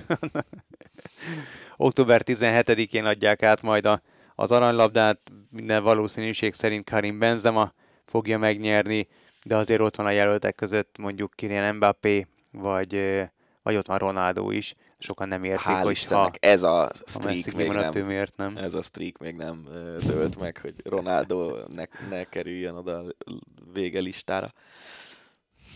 Vagy végső listára. Most direkt nem raktam be Ronaldo hírt, mert hogy már az utóbbi időben túl sok volt, azért az beszédes, hogy most már United is szeretné eladni, mert állítólag nem olyan a hozzáállása. Ronaldónak. Hát nem volt Tényleg. boldog most a hétvégén, amikor beleszaladtak egy négyesbe a kieső jelölt ellen. Gyönyörű, igen. No, hát zajlik az úszó EB, és uh, ott is vannak azért történések. Kezdjük a negatívabbal. Uh, nem jutott döntőbe az úszó EB-n 400 vegyesen címvédőként hosszú Katinka, csak a harmadik legjobb uh, magyarként kvalifikálta magát, a szabályok szerint ugye egy országból csak ketten indulhatnak a fináléban, ezzel nincs is uh, úgy akkora gond, mondjuk 4.45-ös időt úszott, és természetesen ő volt a leginkább elkenődve az idő láttán. Nem állt meg a mix zónában, és ez azért uh, többeknél úgymond kiverte a biztosítékot. Később nyilatkozott a zenesónak, Erikának, akik a, ugye a liutesokkal is jó kapcsolatot ápol, és csak a zenesónak, mondván, hogy először kidühöngte magát, és ezt követően természetesen már rendelkezésére áll, de még egyszer mondom, legalábbis úgy tudom, hogy csak a zenesónak. Hát egyrészt nem tudom, én egyrészt megértem, meg aztán mégsem értem meg, tehát azért ez nagyon kegyetlen lehet, hogy kiúszhatod a lelkedet, mint négy vegyes, tehát a leggyilkosabb szám után elbaktatsz a mellett, és meg kell állnod. Egy és szarúszás, Így van, hozzá. tehát tényleg négy, ő volt négy a leg... másodpercre volt a Mihályvári Farkastól, aki később egyébként Igen. megnyerte a számot, és a Jakabostól, aki aki második lett. Így Tehát van. magyar 1-2 volt a döntőben is, aranyezüst. Így van, így van. Ö... tehát ez, ez szörnyű lehet, kiúszod a lelkedet, és, és így van, ahogy mondod, hogy, hogy gyengén úszol, te tudod a legjobban, hogy gyengén úszál, úsztál, és téged zavar a legjobban, hogy gyengén úsz, és akkor még álljál meg, jó pofizzál, vagy legalábbis ne jó pofizzál, de mondjál olyan dolgokat, amiket, amiket konkrétan uh, utána nem fordítanak veled szembe, és, és, és nem dőlsz bele a saját késedbe, mert, mert elhamarkodottan kimondasz valamit. Tudod, mit gondolok erről? El vagy kenődve, ideges vagy, minden, tényleg, odamész, annyit mondasz, hogy ez egy rossz úszás volt, sajnálom, és elmész. És akkor kész. Igen, Tehát, de, hogy de szerintem mi ezt nem tudjuk nem átél, kile, átél, vagy megérteni, mert, mert sajnos nem, én legalábbis én nem sportoltam, sportoltam sokat, meg sportoltam versenyszerűen, de soha nem voltam ennyire tehetséges, meg nem nyilvánvalóan, és, és nem is értem el még, még tized ilyen sikereket sem nem kellett megállnom soha még zónába, és nem kellett az adrenalinnal küzdenem, és, és odafigyelnem arra, hogy, hogy nem tudom, 300-as púzussal, meg, meg egebbe szökött vérnyomással, meg full idegbetegen most éppen valami hülyeséget mondok-e, vagy sem. Szóval azért ez egy nagyon nehéz feladat lehet, és nem biztos, hogy annyival el lehet intézni, hogy tudod, mi szarok rá profi sportoló, vagy szokjál hozzá ével együtt. Nem tudom, Szerintem de, mármint, hogy persze vannak olyan lelki állapotok, amikben nem jó dolog nyilatkozni, és ugye erről beszéltünk például a short track váltó kapcsán is, hogy ott azért nagyon szerencsétlen volt az, hogy hogy nyilatkoztak a, a srácok is, meg, meg a csapatvezetők is a kiesés után. Én azt gondolom, hogy egy hosszú katinka szintű úszó, akinek ez a, ez a szezon már tényleg lényegében egy ilyen, egy ilyen búcsú kör, azért azt ő maga is elmondta, hogy, hogy el szeretne jutni száz még és aztán abba adja. Most a legfrissebb hírek szerint Párizsig folytatja, vagy legalábbis hát, gondolkodik rajta. Hát én... Csak máshogy kell a felkészülésébe beleállni, mert hát azt látja, hogy addig nem számokat működik. kell megpróbálni erőltetni. De ugye azt mondják, hogy a, azt mondják a, a Mutina Ági meg a Verasztó Evelyn az M4 stúdiójában, hogy a sebessége nincs már meg Katingának, hogy állóképességben viszont még jó, de hogy közben meg akkor úgy tűnik, hogy hogy a 400 vegyesen is nem tudom hányadik lett volna a döntőben, hogyha mhm. úszhat három magyar, de mondjuk ugye legjobb esetben a harmadik. Na mindegy, nem tudom, hogy hova vezet neki ez az út, és, és tényleg azt meg, hogy Párizsig el, el tud-e menni ezen az úton, azt, azt, azt abban nagyon erősen kételkedem. Hát így biztos nem, csak a kérdés az, hogy de tudod egyébként... a, engem... még egyszer beleállni egy olyan felkészülésbe, olyan gyilkos felkészülésbe, amit korábban végzett? Persze, hát az nagy kérdés. E, engem egyébként ebben az egészben mindig az idegesít ebben a mixzónás történetben, hogy, hogy amikor valami jól sikerül, akkor vidáman mosolygunk, kiélvezzük a szeretetet, nem tudom micsoda, ha meg rosszul, akkor meg átsétálunk, e, ez szerintem nem így működik. Tehát akkor vagy, vagy, vagy mindig megállok a mixzónában, akkor is, a jó, akkor is, a nem jó, vagy nem. De, de mondom, ugye megint oda, oda mehetünk vissza, hogy most milyen elvárásai lehetnek egy átlagembernek, egy sportújságírónak, egy másik emberrel szemben. Szerintem ez bele kellene, hogy férjen egy olyan versenyzőnek, aki, aki mondjuk rengeteg állami támogatást kap a, kapott az élete során, ugye még nem kap életjáradékot, de pár év múlvától kezdve havi apanást fog kapni az államtól, és, és szerintem egy ilyen, egy ilyen sportolónak bele kellene férnie annak, hogy, hogy egy rossz úszás után is megáll, és elmondja, hogy hát igen, ez egy rossz úszás volt. De én 5 másodperccel jobbat tudok ennél, most nem jött össze, nem tudom, elmond valami okot, és kész, ennyi. Uh-huh. Tehát én azért nem a, nem a mm, izé, ellenséges nyílzáporba szaladsz bele, hanem az M4 riporteréhez, aki azért nem fog olyat kérdezni, ami, ami nagyon gonosz, vagy uh-huh. Jó dolgok is történtek természetesen az EB-n. Ezüstérmes, tehát például 4x100-as gyorsváltó. Német Nándor, Szabó Sebastian, Mészáros Dániel és Milák Kristóf alkotta. Hát meg a aranyérmet nyert a 4x200-as hát váltó. akartam mondani, csak számomra ez a váltó az, ami, ami, ami, ami nagyon Szerintem szép a... siker. Nyilván Mihály Várinak a, a, az aranyérme Jakabos Zsúnak az ezüstérme, Milák, Milák címvédése, így van, tehát hogy le a kalappal hát Meg az, hogy száz gyorsan, száz gyorsan úgy lett ezüstérmes, hogy Popovics világcsúcsot úszott, és hat tizedre volt, azt hiszem tőle. Igen. Egy olyan számban, amit korábban nagy versenyen nem láttunk Miláktól. Tehát azért a világban lehet, van, hogy tehát... több van, mint az, hogy pillangózó. Ja, ja, abszolút, hát és most már ez, nagyon szépen benne. sikerült, főleg annak fényében, hogy ugye nemrég volt VB, tehát itt, azt, itt azért kétszer kellett csúcsra Igen. járatniuk magukat a sportolóknak, ugye le a kalappal és gratulálunk innen is az egész válogatottnak, meg a vezetőknek. A Forma 1 még júniusban került be a hírekbe, megmondom őszintén, az én figyelmemet elkerülte, pedig erre azért eléggé ki vagyok nyílva, és a Forma 1-et amúgy is szeretem, meg követem, de lehet itt a nyaralás miatt, vagy mindegy, igazából lényegtelen. Szóval Nelson Piqué a, egy tavalyi interjúban Negrito. Igen. De e, ezt ezen, ezen az, hogy mondjam, a... Már előbb elmondom a hírt, Kisnégernek neveztem Louis hamilton egy novemberben készült interjújában, ugye, amely a június végén került nyilvánosságra, és a brit nagydíjjal kapcsolatban beszélt Piqué, amikor Hamilton és Verstappen koccantak, és, és ezt az egész incidenst próbálta magyarázni, és erről mondta a véleményét a brazilok korábbi világbajnoka, és akkor itt, most, itt jössz most te. Ugyanaz a sztori, emlékszel a román, román bíró, igen, igen, aki igen. azt mondta, hogy negro, és románul a negro az feketét jelent. Ö, meg kell értenie a fehér ö, nyugati civilizációnak azt, hogyha egy dél-amerikai azt mondja, hogy negrító, az nem egy sértés. Az olyan, mint azt mondanád, hogy feketécske. Ö, a, tényleg. Emlékszel, amikor Luis Suárez ugyanezzel a negrító szóval megsértette Patrice Evrát? Ö,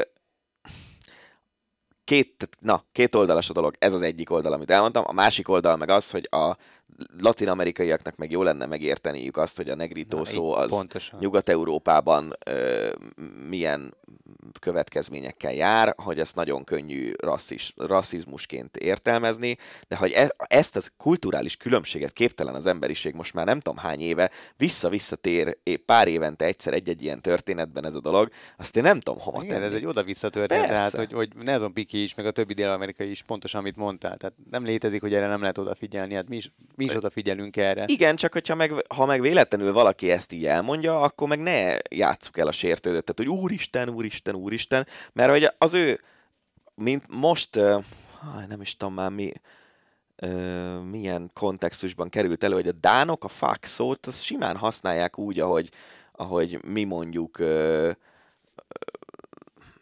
tehát egy nyilatkozatban is egy Dán edző, hogyha azt mondja, hogy, hogy fucking match, akkor az nem egy csúnya szó, hanem az egy, az egy része a Dán nyelvnek. És ugye amikor arra... Ugyanazt jelenti? Ugyanazt jelenti, csak, csak, csak visszafogottabb sokkal, mint Aha. hogyha angolul mondod és amikor a, a Kim Rasmussen a, volt ez az ominózus sajtótájékoztató, ami után ugye az eltiltás jött meg a kirúgása, ő is ugyanúgy használta a fucking szót, mint ahogy egy Dán ember azt használja normálisan. Uh-huh. És nem tudom már most, hogy hol láttam a Twitteren. De várja, várja, úgy használta a fucking szót, hogy angolul beszélt, nem? Tehát akkor nem Dánul értette a... Tehát Igen, ez... csak, hogy, csak hogy egy Dánnak, ha fucking szó használata, az olyan természetes dolog, mint ahogy mi azt mondjuk, hogy rossz, vagy hogy, hogy egy, egy, egy kötőszó, ami nyilván egy rossz értelmű kötőszó, de nem azt jelenti, hogy kibaszott bíró, hanem azt mondja, hogy mit te én, a rossz bíró, arra azt mondja, hogy a fucking referee. Most nem, ezt nehéz így elmagyarázni, főleg úgy, hogy részben angolul beszélünk, részben magyarul meg. beszélünk, de hogy a dánoknál ezeknek a szavaknak a használata az nem egy ilyen csúnya káromkodás, mint magyarul vagy angolul, hanem egy ilyen természetes része a dán nyelvnek. És amikor egy dán azt mondja, hogy fucking ez, fucking az, akkor azt nem úgy kell venni, hogy úristen, mekkorát káromkodott a dán edző, játékos, akárki sportoló, hanem hogy az, az náluk viszonylag normális. És ugyanez a negrító a latin-amerikaiaknál, és persze, aki mondja, az is átgondolhatja, hogy ú, basszus, ez meg fog jelenni Angliában, akkor ott engem rasszistának fognak tartani, de közben meg akire mondja, az is érthetné azt, hogy jó, hát oké, okay, ez olyan, mint hogyha egy angol azt mondta volna nek, rám, hogy black.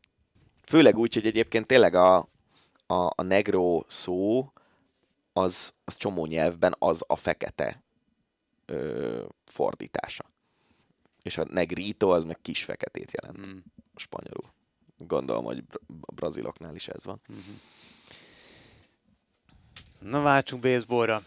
növelőszer használata miatt eltiltották Végre Fernando doping. Jr.-t, San Diego Pedres, Pedres sztárját.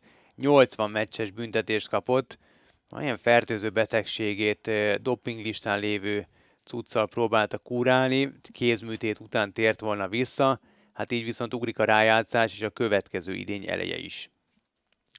Pont most volt egy bringás sztori, múlt héten egy, egy olasz versenyző az Asztanából kapott egy egyéves eltiltást, ő meg ilyen, hát a, a fluimucilban lévő hatóanyagot, ami vadalistás, azt mutatták ki a szervezetéből, gondolom használt egy olyan orsprét, amit nem kellett volna. Ő is az más. Nem, ő meg volt fázva ja, szerintem, értem. és be volt dugulva az orra.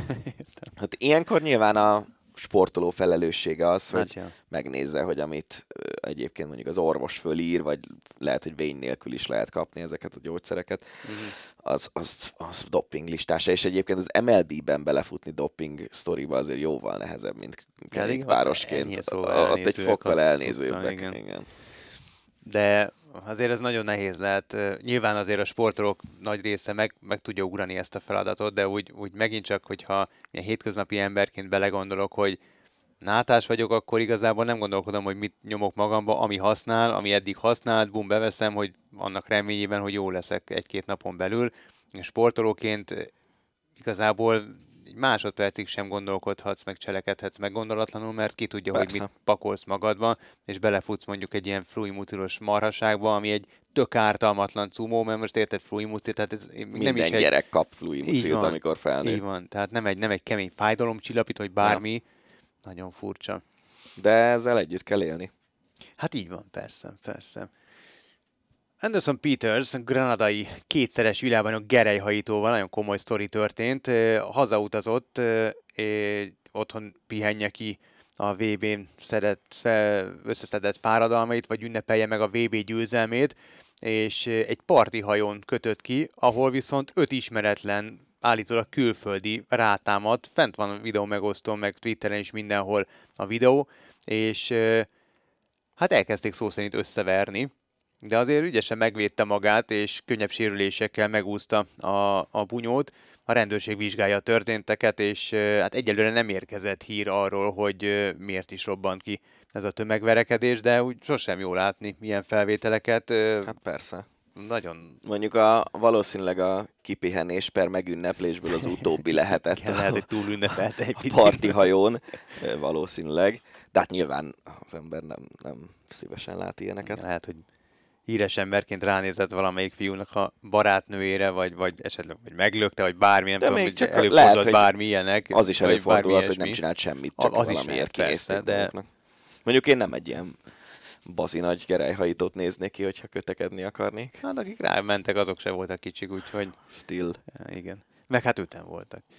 Örökre eltiltotta a Brit Atlétikai Szövetség Jessica Ennis Hill olimpiai bajnok két próbázó volt edzőjét, Tony Miciciellót, Lehet. szerintem ejtsük így, aki már korábban ö, fel lett függesztve, de vele kapcsolatos vizsgálatok bizonyították, hogy szexuálisan zaklatta a sportolóit, és a panaszokat éppen a sportolók tették meg a szakemberrel szemben, nem tartotta tiszteletben a sportolók magánélethez való jogát, tolakodó kérdéseket tett fel állítólag a szexuális életükről, vagy zaklató megjegyzéseket fűzött, vagy agresszívan viselkedett. Úgyhogy a Szigetországban soha többé nem vállalhat munkát, nem fogja megkapni az ehhez szükséges engedélyt a szakember. Tök jó. Belegondoltam, hogy, hogy, tehát, hogy ez mennyire kihasználja a, a, a sportolókat, az atlétákat, mennyire vagy kitéve egy ilyen beteg elmének. gyerekként, a, vagy ilyen főleg gyerekként tizenévesként. pontosan a, a, a, szörnyűségeire, hogy, hogy most ezt szülőként hallanám, hogy, hogy évekkel, vagy akár hónapokkal, vagy napokkal, hetekkel egy ilyen eset után jön csak elő a gyerekemből egy ilyen panasz, nem is, nem is tudom, hogy mit éreznék, de biztos, hogy nagyon összetörnék, nyilvánvalóan tennék az ügy érdekében, de hogy borzalmas, hogy, hogy milyen szinten ki lehetnek szolgáltatva ezek a sportolók egy ilyen egy, egy, egy, egy ilyen, ilyen, nem is szakembernek nevezném, egy ilyen Hát beteg elmének. Tehát pont ez a baj, hogy ő egy, valószínűleg egyébként egy elég jó szakember, amellett, hogy egy beteg elme, Hmm. amit te mondtál. Um, tehát, hogy a kettő az nem zárja ki egymást, és, és egyébként vannak annyira beteg elmék, hogy mondjuk azért tanulja ki magát ilyen nagyon-nagyon komoly szakemberré, hogy a lehető legjobban hozzáférhessen mondjuk a és ne derüljön ki, igen, Ja. mint az amerikai tornász válogatottnak Ja. a, a masszőre, az, azzal is nagyon sokat foglalkoztunk. Vogue magazinban megjelent hosszú írásban jelentette be visszavonulását eh, Serena Williams, hogy mikor az egyelőre nem ismer, de gyanítom, hogy a US Open után, vagy az év végén. Igen, valószínűleg. Ö, nem tervez búcsú körútat, búcsú haknit, második gyermeküket tervezik férjével, családjára és az üzleti érdekeltségeire szeretne fókuszálni a jövőben. Ö, Az Eurosport.hu-n német Dániel írta meg ezt a cikket, ö, foglalkozott ezzel a témával, fordította le a Vogue magazinban megjelent Serena Williams ö, írást. Egy nagyon megindító írás az, és nagyon mélyen belemegy különböző dolgokban Serena Williams. Érdemes elolvasni, amúgy tényleg csak ajánlani tudom, hogyha valakit érdekel. De én azt gondolom, hogy, hogy ezt már korábban meg kellett volna lépnie. De Hát nyilván borzasztóan nehéz, és, és ez mind kiderül az írásból, hogy, hogy miért, miért nehéz, és miért hozta meg most a döntést Serena Williams. Nekem ami, ami érdekes, hogy amikor majd tényleg visszavonul és elbúcsúzik, és, és kiértékeljük az ő pályafutását, hogy abban az egyébként egészen kiemelkedő pályafutásban, amely során nagyon sokat változtatott a női teniszen, két dologról mennyire fogunk beszélni. Az egyik az, hogy lényegében az egész pályafutása során ő túlsúlyosan teniszezett, és, és lehet, hogy ha szigorú diétával, durvább edzésmunkával, ö, sportosabb testalkatúvá fogyott volna le, akkor az mondjuk mentálisan akkora megterelés lett volna, hogy, hogy gyengíti az ő játékát, ez elképzelhető. De hogy mi lehetett volna belőle, hogyha mondjuk olyan testalkata van, mint az összes többi lánynak, akivel az évek során küzdött. A másik meg az, hogy mennyire fogja rányomni a bélyegét az ő pályafutására az, hogy ö, volt az az őrült nagy hisztia Oszakával a döntőben, amikor ö, rasszista kártyát kijátszotta, a szexista kártyát kijátszotta úgy, hogy egyébként nem volt igaza. Igen.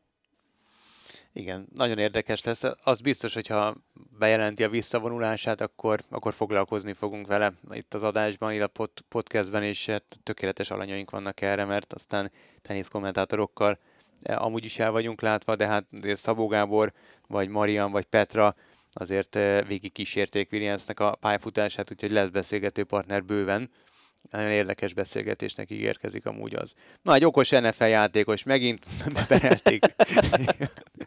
Deontay johnson a Pittsburgh Steelers elkapóját, amiért egy nevével beharangozott és gyermekek részére megrendezett, gyermekek részére megrendezett amerikai futballtáborban nem ment el így átverte a gyerekeket és a szervezőket is. A sztori igazából annyi, hogy a játékos menedzsmentje 13 perccel az esemény kezdete előtt értesítette a szervezőket, hogy Johnson lekéste a repülőgépét, viszont a következő járátra már esze ágában sem volt felszállni, így nem jelent meg.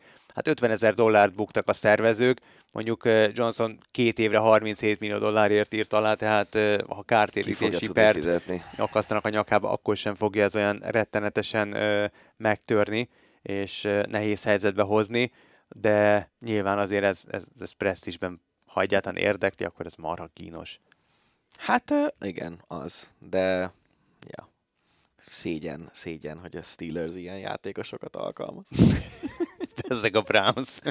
igen, ott, uh, ja. Most, várjál, mit is lát? Ja igen, a legviccesebb sztori most az NFL Memes múlt heti dolgaiból az volt, hogy, hogy a Bears rugója valami nem is tudom, hogy milyen ilyen dimbes, dombos, földes helyen gyakorolta a rugásokat, hogy felkészítse magát a Soldier Field talajára, mert hogy annyira botrányos állapotban van a Chicago a hazai stadionjának a talaja állítólag, hogy tényleg külön készülni kell rá, ami ugye hát gondolj bele abba most, játékosként elmész Chicagóba játszani, mondjuk így idegenbeli játékosként, ne adj Isten, hazai játékosként, ahol ugye 8 vagy 9-szer kell játszanod ebben a stadionban, ezen a talajon, de egy elmész idegenbe Chicagóba, kifordul a térded, elszakad egy év sanyi, és akkor beperled a Berst, mert, mert veszélyes munkakörnyezetben voltál kénytelen a munkádat végezni?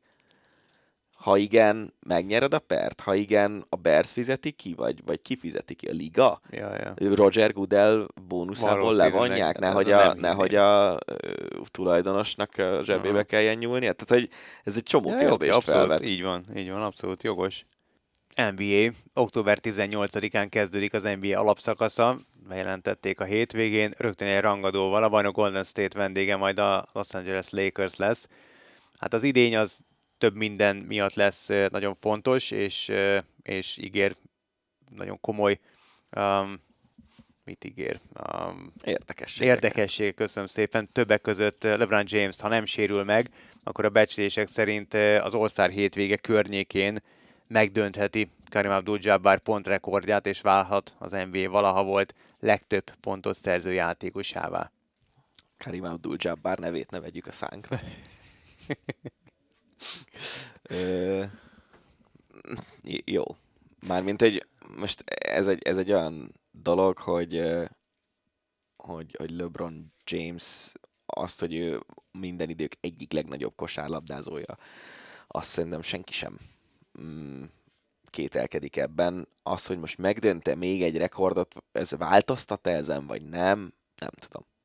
Hát ez azért egy nagyon komoly rekord szerintem. Tehát ezt nyilván ő is akarja, ez... Igen, de ugye ez, ez inkább szól arról, hogy Nyilván egy nagyon-nagyon jó játékosról beszélünk, csak ez inkább szól arról, hogy mennyi ideig tudsz a ligában játszani. Na jó, hát az, az önmagában egy óriási dolog, hogy ebben Igen, a gyilkos igen, ligában igen. 20 évet eltöltesz. Abszolút. Ráadásul ilyen, tehát nem az, hogy kiegészítő ember vagy, és pattogtat, és bedobsz két-három pontot, hanem átlagolsz 25 pont az, 27-29-30 pontot, és vezéregyénisége vagy még mindig, nem a csapatodnak, hanem az egész ligának. Igen, azért mondom, hogy nem, nem elvitatható az, hogy, hogy LeBron James minden idők egyik legnagyobb játékosa. Talán, a, talán az ő játéka kevésbé volt formabontó, mint Abdul Jabbaré, nem? Hát ez a, a Abdul Jabbar a pontjainak egy nagyon jelentős részét ezzel a horoggal, a skyhookkal érte el, ami egy újfajta dobó technológia volt, vagy technika, bocsánat. Igen, Ö, abszolút nem tudtak vele mit kezdeni, hát amúgy is marha a- magas volt, és ez, ennek következtében pedig még inkább tartatatlanná vált. Meg hogy, hogy LeBron James is nagyon fontos szereplője a, a közösségnek, elsősorban nyilván a fekete közösségnek Amerikában, de, de ugye Karim Abdul-Jabbarnak volt egy csomó olyan ö, polgárjogi dolga, ami, ami a pályától függetlenül is őt egy fontos emberré teszi szerintem. Hát igen, de mondjuk ebbe azért James is beleállt az iskoláival, meg, meg ő mindig felszólal Azért mondom, hogy na- fontos kérdésekben. Hogy nagyon fontos, csak, csak nem tudom, nekem lehet, hogy egy kicsit más. más. Hát a közeg is más volt, de mondjuk amúgy Igen, a most így, így a, a Black Lives Matter mozgalom során azért abból nagyon keményen kivette a részét. James és elképesztő összegeket ajánlott fel különböző a, mozgalmaknak, vagy éppen szervezeteknek. És ha már Abdul Jabbart így szóba hoztuk, ugye Bill Russell-el, meg Mohamed Alival alkották azt a nagy hármast, akik a, különböző társadalmi kérdésekben felszólaltak, és, és hallatták a hangjukat, leginkább természetesen fekete közösség védelmének érdekében. Hát ugye arról beszámoltunk, hogy Bill Russell elhunyt, és most a legfrissebb hírek szerint visszavonultatják a messz számát, ami azt jelenti, mint az NHL Gretzky-ét, a 99-est, hogy a hatos senki nem használhatja a ligában, pontosabban egészen pontosan használhatja az, akinek már hatos a messz száma, lásd LeBron James, de újonnan már nem választható ez a szám, tehát szépen ki fog kopni, úgymond a használatból, és, és ezt a hatost, ezt, ezt más nem öltheti majd magára többször, és így akarnak tisztelegni a Boston Celtics 11-szeres bajnok legendája előtt.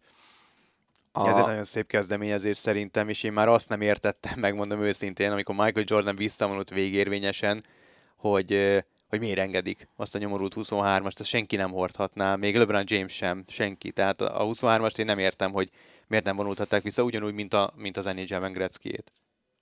Ha van akkora alakja az NBA-nek, Jordan, Jó, most az ebben nem akarok Gretzky. belemenni, mert, mert persze van, de közben te meg rohadt elfogult vagy Jordannel Hát kapcsolatban. elfogult vagyok james is, tehát hogy, hogy de miért? És És az NHL-nek, az gondolj- NBA-nek nem jelent annyi Jordan, mint az de NHL-nek biztos, Gretzky. hogy jelent annyi Jordan az NBA-nek, mint Gretzky, csak szerintem egész egyszerűen más, más szokásai vannak a Az különböző biztos, ligáknak. igen. A, az jutott eszembe, a, ugye ő lesz, már mint Bill Russell, hatos száma lesz a harmadik ilyen egész ligás visszavonultatott messzám.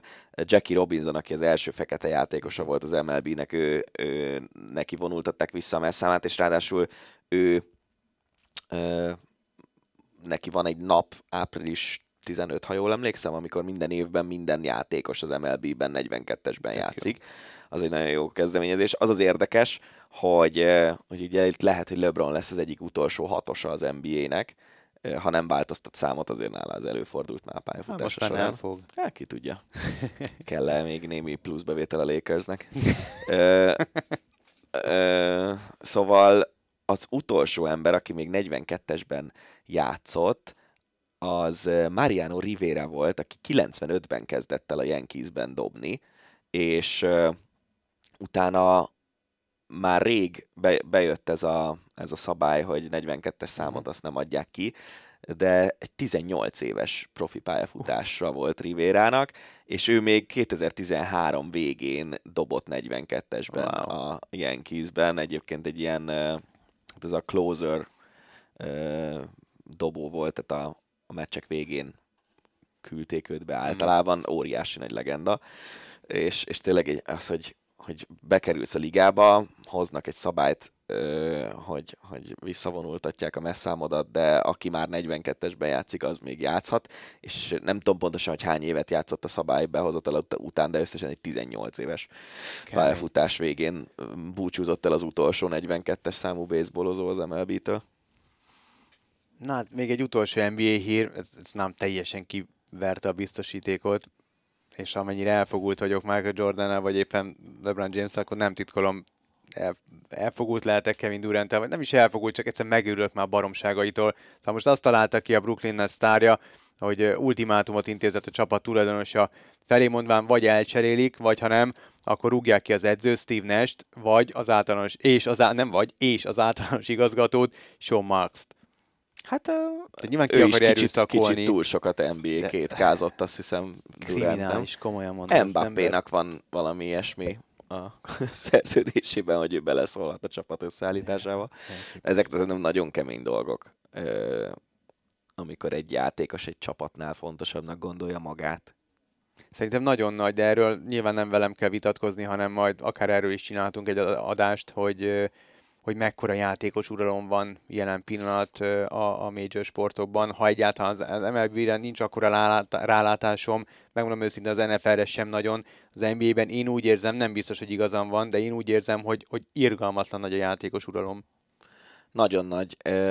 Viszont azt azért tegyük hozzá, hogy ez nem egy új keletű dolog, csak talán most egy fokkal nyíltabban vállalják ezeket a dolgokat a játékosok, mint korábban, mert azért emlékez vissza arra, hogy amikor James másodszor Clevelandbe került, akkor azért megjelentek a, a, a slap, úgymond azok a játékosok, akik jöttek gyűrűt szerezni, és barátai voltak Jamesnek, és aztán amikor kirúgták az edzőt, akkor egy olyan edző jött, aki azért jóban volt James-el, akkor a Lakersnél is jöttek ezek a játékosok, akik jóban voltak vele. Valami, abszolút, Tehát, hogy e, e, ez a része a dolognak azért ez van a top játékosoknál, csak talán nem ennyire hisztis módon adják elő, sőt, abszolút nem ennyire hisztis módon adják elő, mint, mint ahogy ez Durant csinálja.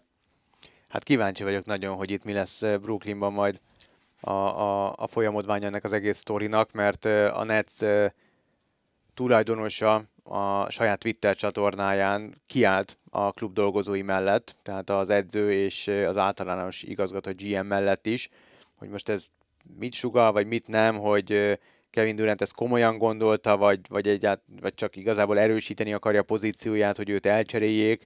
Azért gondold el azt, a, azt az edzést, amikor lemegy Kevin Durant, hogy egyáltalán tételezzük fel, hogy marad, és, és a tulajdonos nem rúgja ki Nest, de nem, rúgja, nem rúgja ki a GM-et sem, akkor azért úgy ez a három ember, ez hogy néz majd egymás szemé, vagy legalábbis Durant hogy néz majd a, a Steve Nash, vagy bárkinek a szemébe, szóval ez, ez hát azért egy eléggé lesz, igen, igen, kellemetlen szituáció. Igen.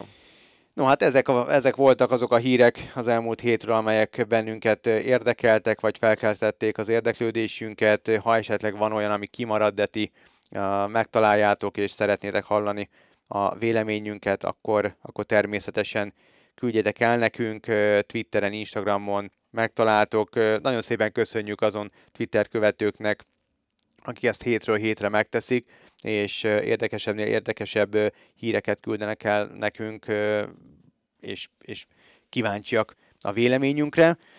Tartsátok meg jó szokásotokat, mi pedig megígérjük, hogy természetesen kommentálni fogjuk azokat a híreket. Ennyi volt erre a hétre a Hosszabbítás magazin. Rév Danit és Farkasvölgyi Gábort hallottátok, jövő héten is jövünk, sziasztok! Ez volt a Hosszabbítás, az Eurosport podcastje. A műsor témáiról bővebben is olvashattok honlapunkon az eurosport.hu.